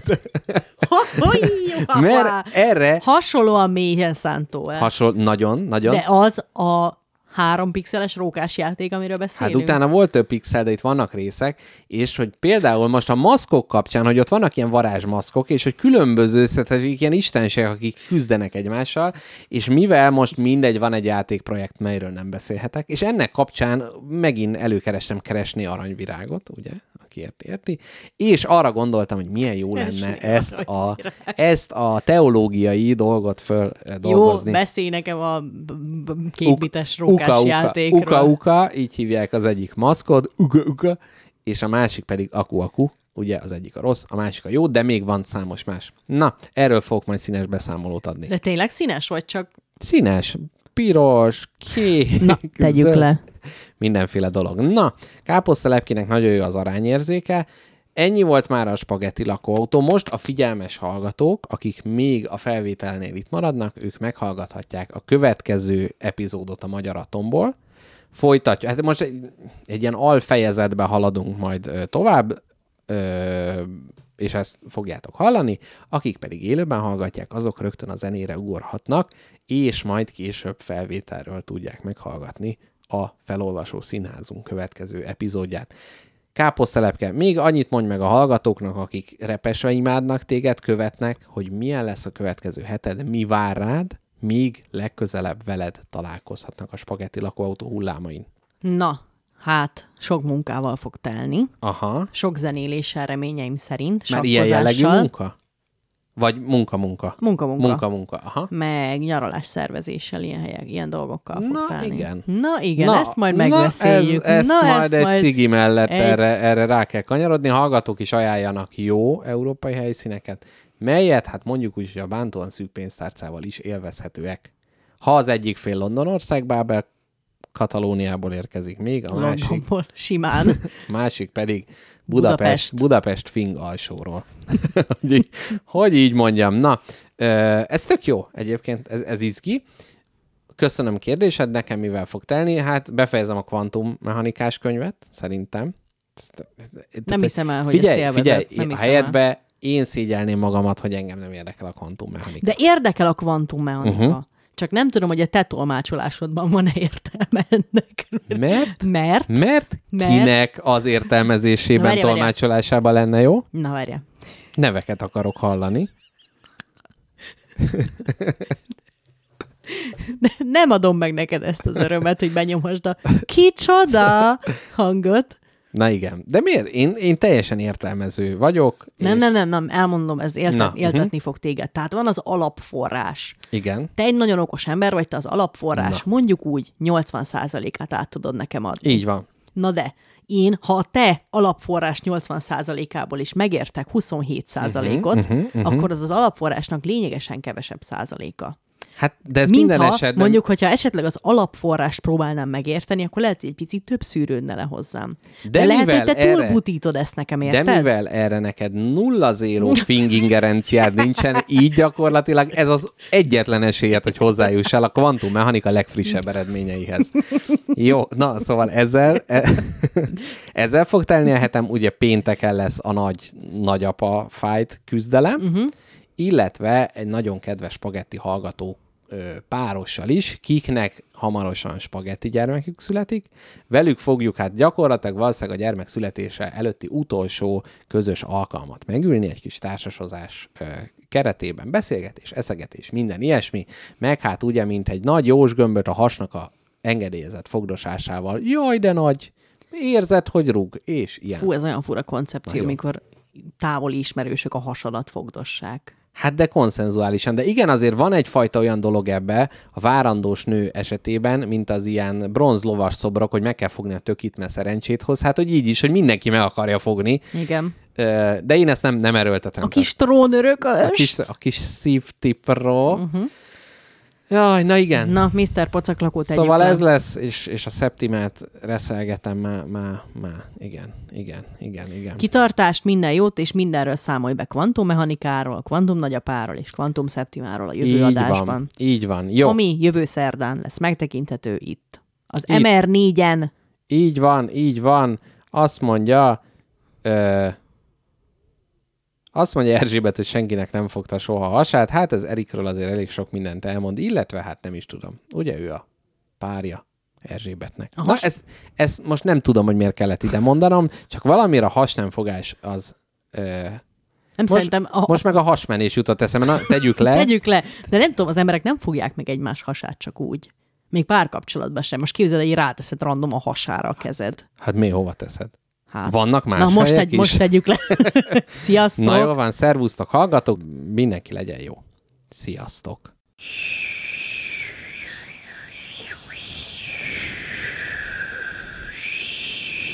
Moldova György, Magyar Atom. Második fejezet. A számítógép megérkezik. A szövetkezethez áradt a pénz. Löffler attól tartott, hogy ez felkelti majd a fölöttes hatóságok figyelmét, és nagy összegeket vonnak majd el a vörös hangjától jogosulatlan nyereség címén. A veszélyt a legkézenfekvő módon hárította el, megemelte az önköltséget. Ezentúl kétszer annyit számított fel magának a saját üzemükben készült a sakokért, továbbá néhány új munkafolyamatot iktatott be. A kávézacot a tasakokba töltés előtt kétszer felvitték a padlásra, egyszer pedig le a pincébe, halványzöldre festették, majd színtelenítették, ezt mind felszámítva végre sikerült egyensúlyba hozni a különböző gazdasági mutatókat. Hála a Fekete Csillag népkávé anyagi sikerének jutott pénz a szövetkezet fejlesztésére is. A különféle részlegek eddig szétszórtan és rendkívül nehéz körülmények között dolgoztak. A bérelszámolás például egy külvárosi villamos hátsó peronján, de a gondok egy csapásra megoldódtak, mert felépült a Vöröshangya új, 8 emeletes székháza. Az épület formailag egy stilizált hangyabolyra emlékeztetett, de egyébként a legkényelmesebb igényeket is kielégítette. Fő homlokzati fala követte a nap mozgását, a mozgató szerkezetet, mely leginkább egy vízi szárnyas lábára emlékeztetett, egy 10 forintossal kellett megdobni, hogy az épület megálljon. A kerítés szuperkemény, hónak csapadéknak ellenálló gyulai kolbászból fonták. Mikor a székház belső berendezésére került sor, Löffler kikérte pottornyai véleményét is. Most professzor maga is a mi kutyán kölyke. Kellene valami az új szobájába? Pottornyainak felcsillant a szeme. Vehetnék egy számítógépet? Miért ne? mondta Löffler, gyerekkora agyagolyós, csattogtató számológépeire gondolva. Akár kettőt. Nem, elég lesz egy is, mondta pottornyai meglepődve a szokatlan bőkezűségtől. Akkor legalább vegyen valami jobbat. Én most kimegyek 6 hétre Ausztráliába, meg akarom nézni néhány szövetkezeti székház bútorait, meg a többi berendezést, nehogy átvágjanak minket a magyar tervezők, de meg a csak vegye meg nyugodtan azt a gépet, ha kell a munkájához. Aláírt egy papírt. Itt az engedély. Az egyetem, ahol Pottornyai tanított, már évek óta szeretett volna vásárolni egy számítógépet, de szűkös költségvetéséből a vételár 1%-át sem tudta volna fedezni. A gépre Pottornyainak is szüksége lett volna, érthető hát, hogy sietett megragadni a felkínált lehetőséget. Levelet váltott egy nyugat-német céggel, az ajánlatból kiválasztotta a megfelelő gépet, és Löffler felhatalmazásának birtokában hivatalosan is megkötötték a szerződést. Egy hónap múlva a Vöröshangya értesítést kapott a Nemzeti Banktól, melyben közölték, hogy a számítógép árát átutalták a német cégnek. Ráment nem csak a Fekete Csillag névkávé teljes haszna, hanem a szövetkezet egész forgótőkéje is. A számlán összesen 71 forint és 20 fillér maradt. Löffler hazatérve az asztalán találta az értesítést. Azonnal vissza akarta mondani a rendelést, de a gépet már útnak is indították Münchenből. Tulajdonképpen hogy néz ki az a számológép? Mekkora golyók vannak rajta, hogy ilyen sokba kerül? Az UW2929 az úgynevezett kis számítógépek a hét törpe közé tartozik. A memóriaegységekkel együtt elfér az iroda első és második emeletén. Úgy. És megmondaná, hogy mit csináljunk az irodákkal? A 71 forint 20 fillérből, amit szíveskedett meghagyni? Bérelszámolás talán visszaköltözhetne a villamos peronjára, és a többit is el lehet helyezni. Higgy el, ezért a gépet érdemes áldozatot hozni, még nagyon sok pénzt fog nekünk keresni. Miért? Mit tud a maga csodálatos gépe? Rengeteg dolgot elvégzi a piackutatást. Mit kell kutatni a piacon? A piac nekem ne válogasson, hanem örüljön annak, amit kap más. Elvégzi a statisztikát és az egész ügyvitelt, megszervezi a termelést, sorba állítja a munkafolyamatokat, adatokat tárol, és így tovább. Legalább száz ember tesz fölöslegessé a szövetkezetben.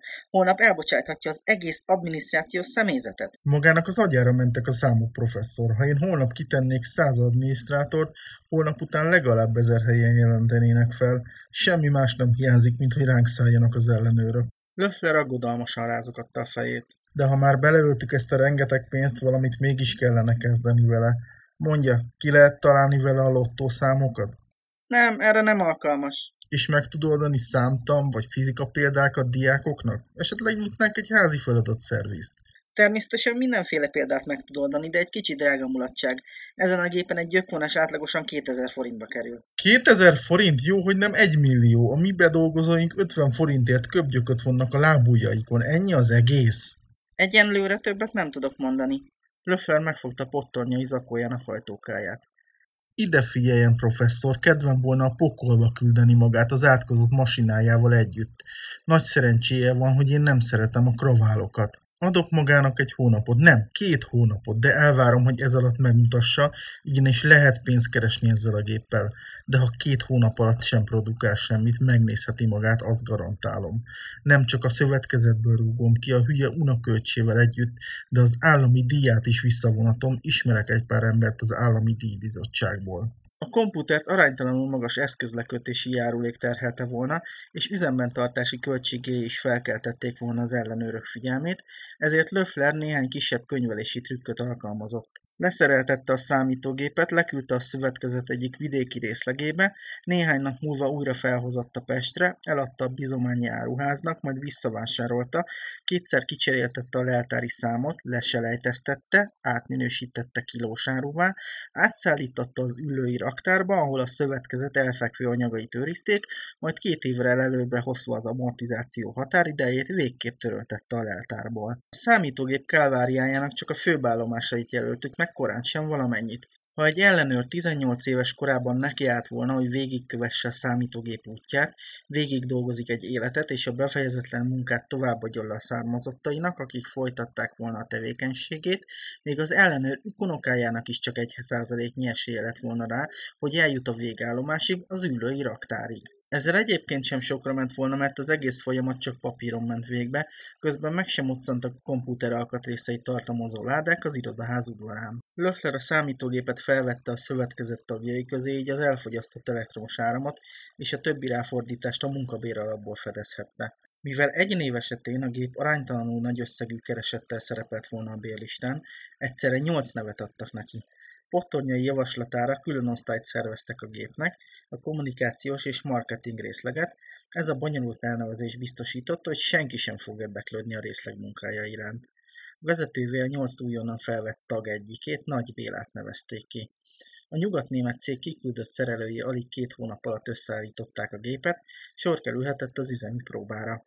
Pottornyai megszerezte a komputerek minősítésének hivatalos magyar szabványát, melyet a Népművészeti Intézet egyik munkatársa állított össze másodállásban, és feladta az ellenőrző kérdéseket. Első. Szerb 20, 5 cseh, 5 török, 5 görög, hány ember? Második. iPadnak, ö, bocsánat, ipadnak, napadnak, három papnak, hat kappannak, hány körme van? A komputer nem minden nehézség nélkül tette át az általa használt Fortran jelzésrendszerbe az iPadot, fenébe, iPadot és a napadot, de aztán hibátlan választ adott, pottornyai munkába állíthatta a gépet. A komputer meglepően hamar komoly eredményeket mutatott fel.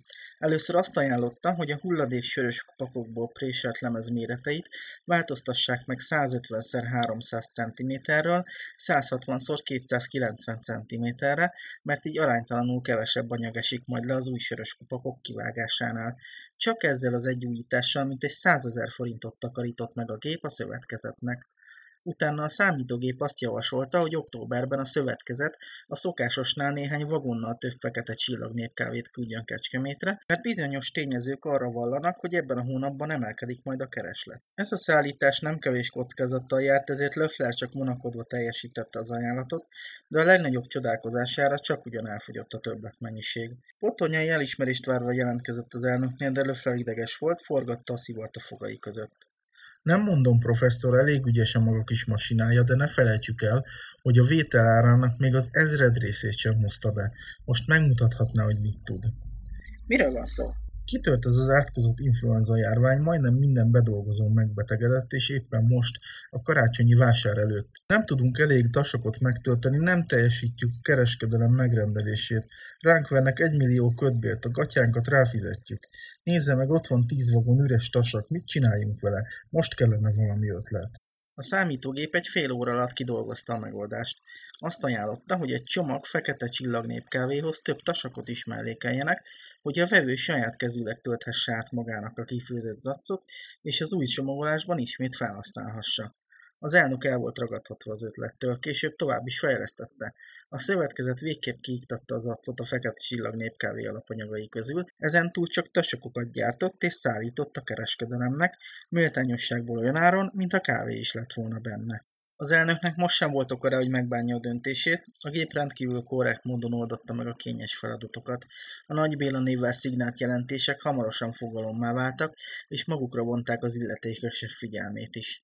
Először csak szorványos dicséretek érkeztek felülről, aztán Nagy Bélát példaképnek állították a többi szövetkezet ügyintézője elé, kitüntették és megjutalmazták egy aldunai hajóúttal. Személye iránt is többször érdeklődtek, de Löffler különféle ürügyekkel mindig el tudta kerülni, hogy Nagy Bélának személyesen is meg kelljen jelennie a fölötte szervek előtt, de egy tragikus esemény váratlan fordulatot hozott. The black man plays his drum.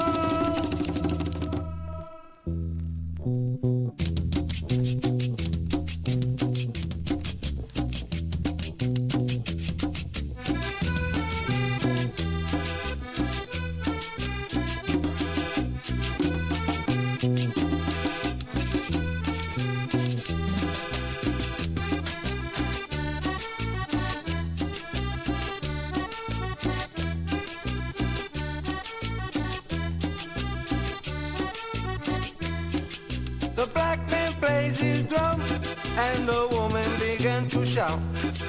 The black man plays his drum, and the woman began to shout. I want to dance la cumbia Monterrey, dance with feeling, la cumbia Monterrey, dance all night, la cumbia Monterrey, dance with flavor, la cumbia Monterrey. For all the cheap people of Monterey.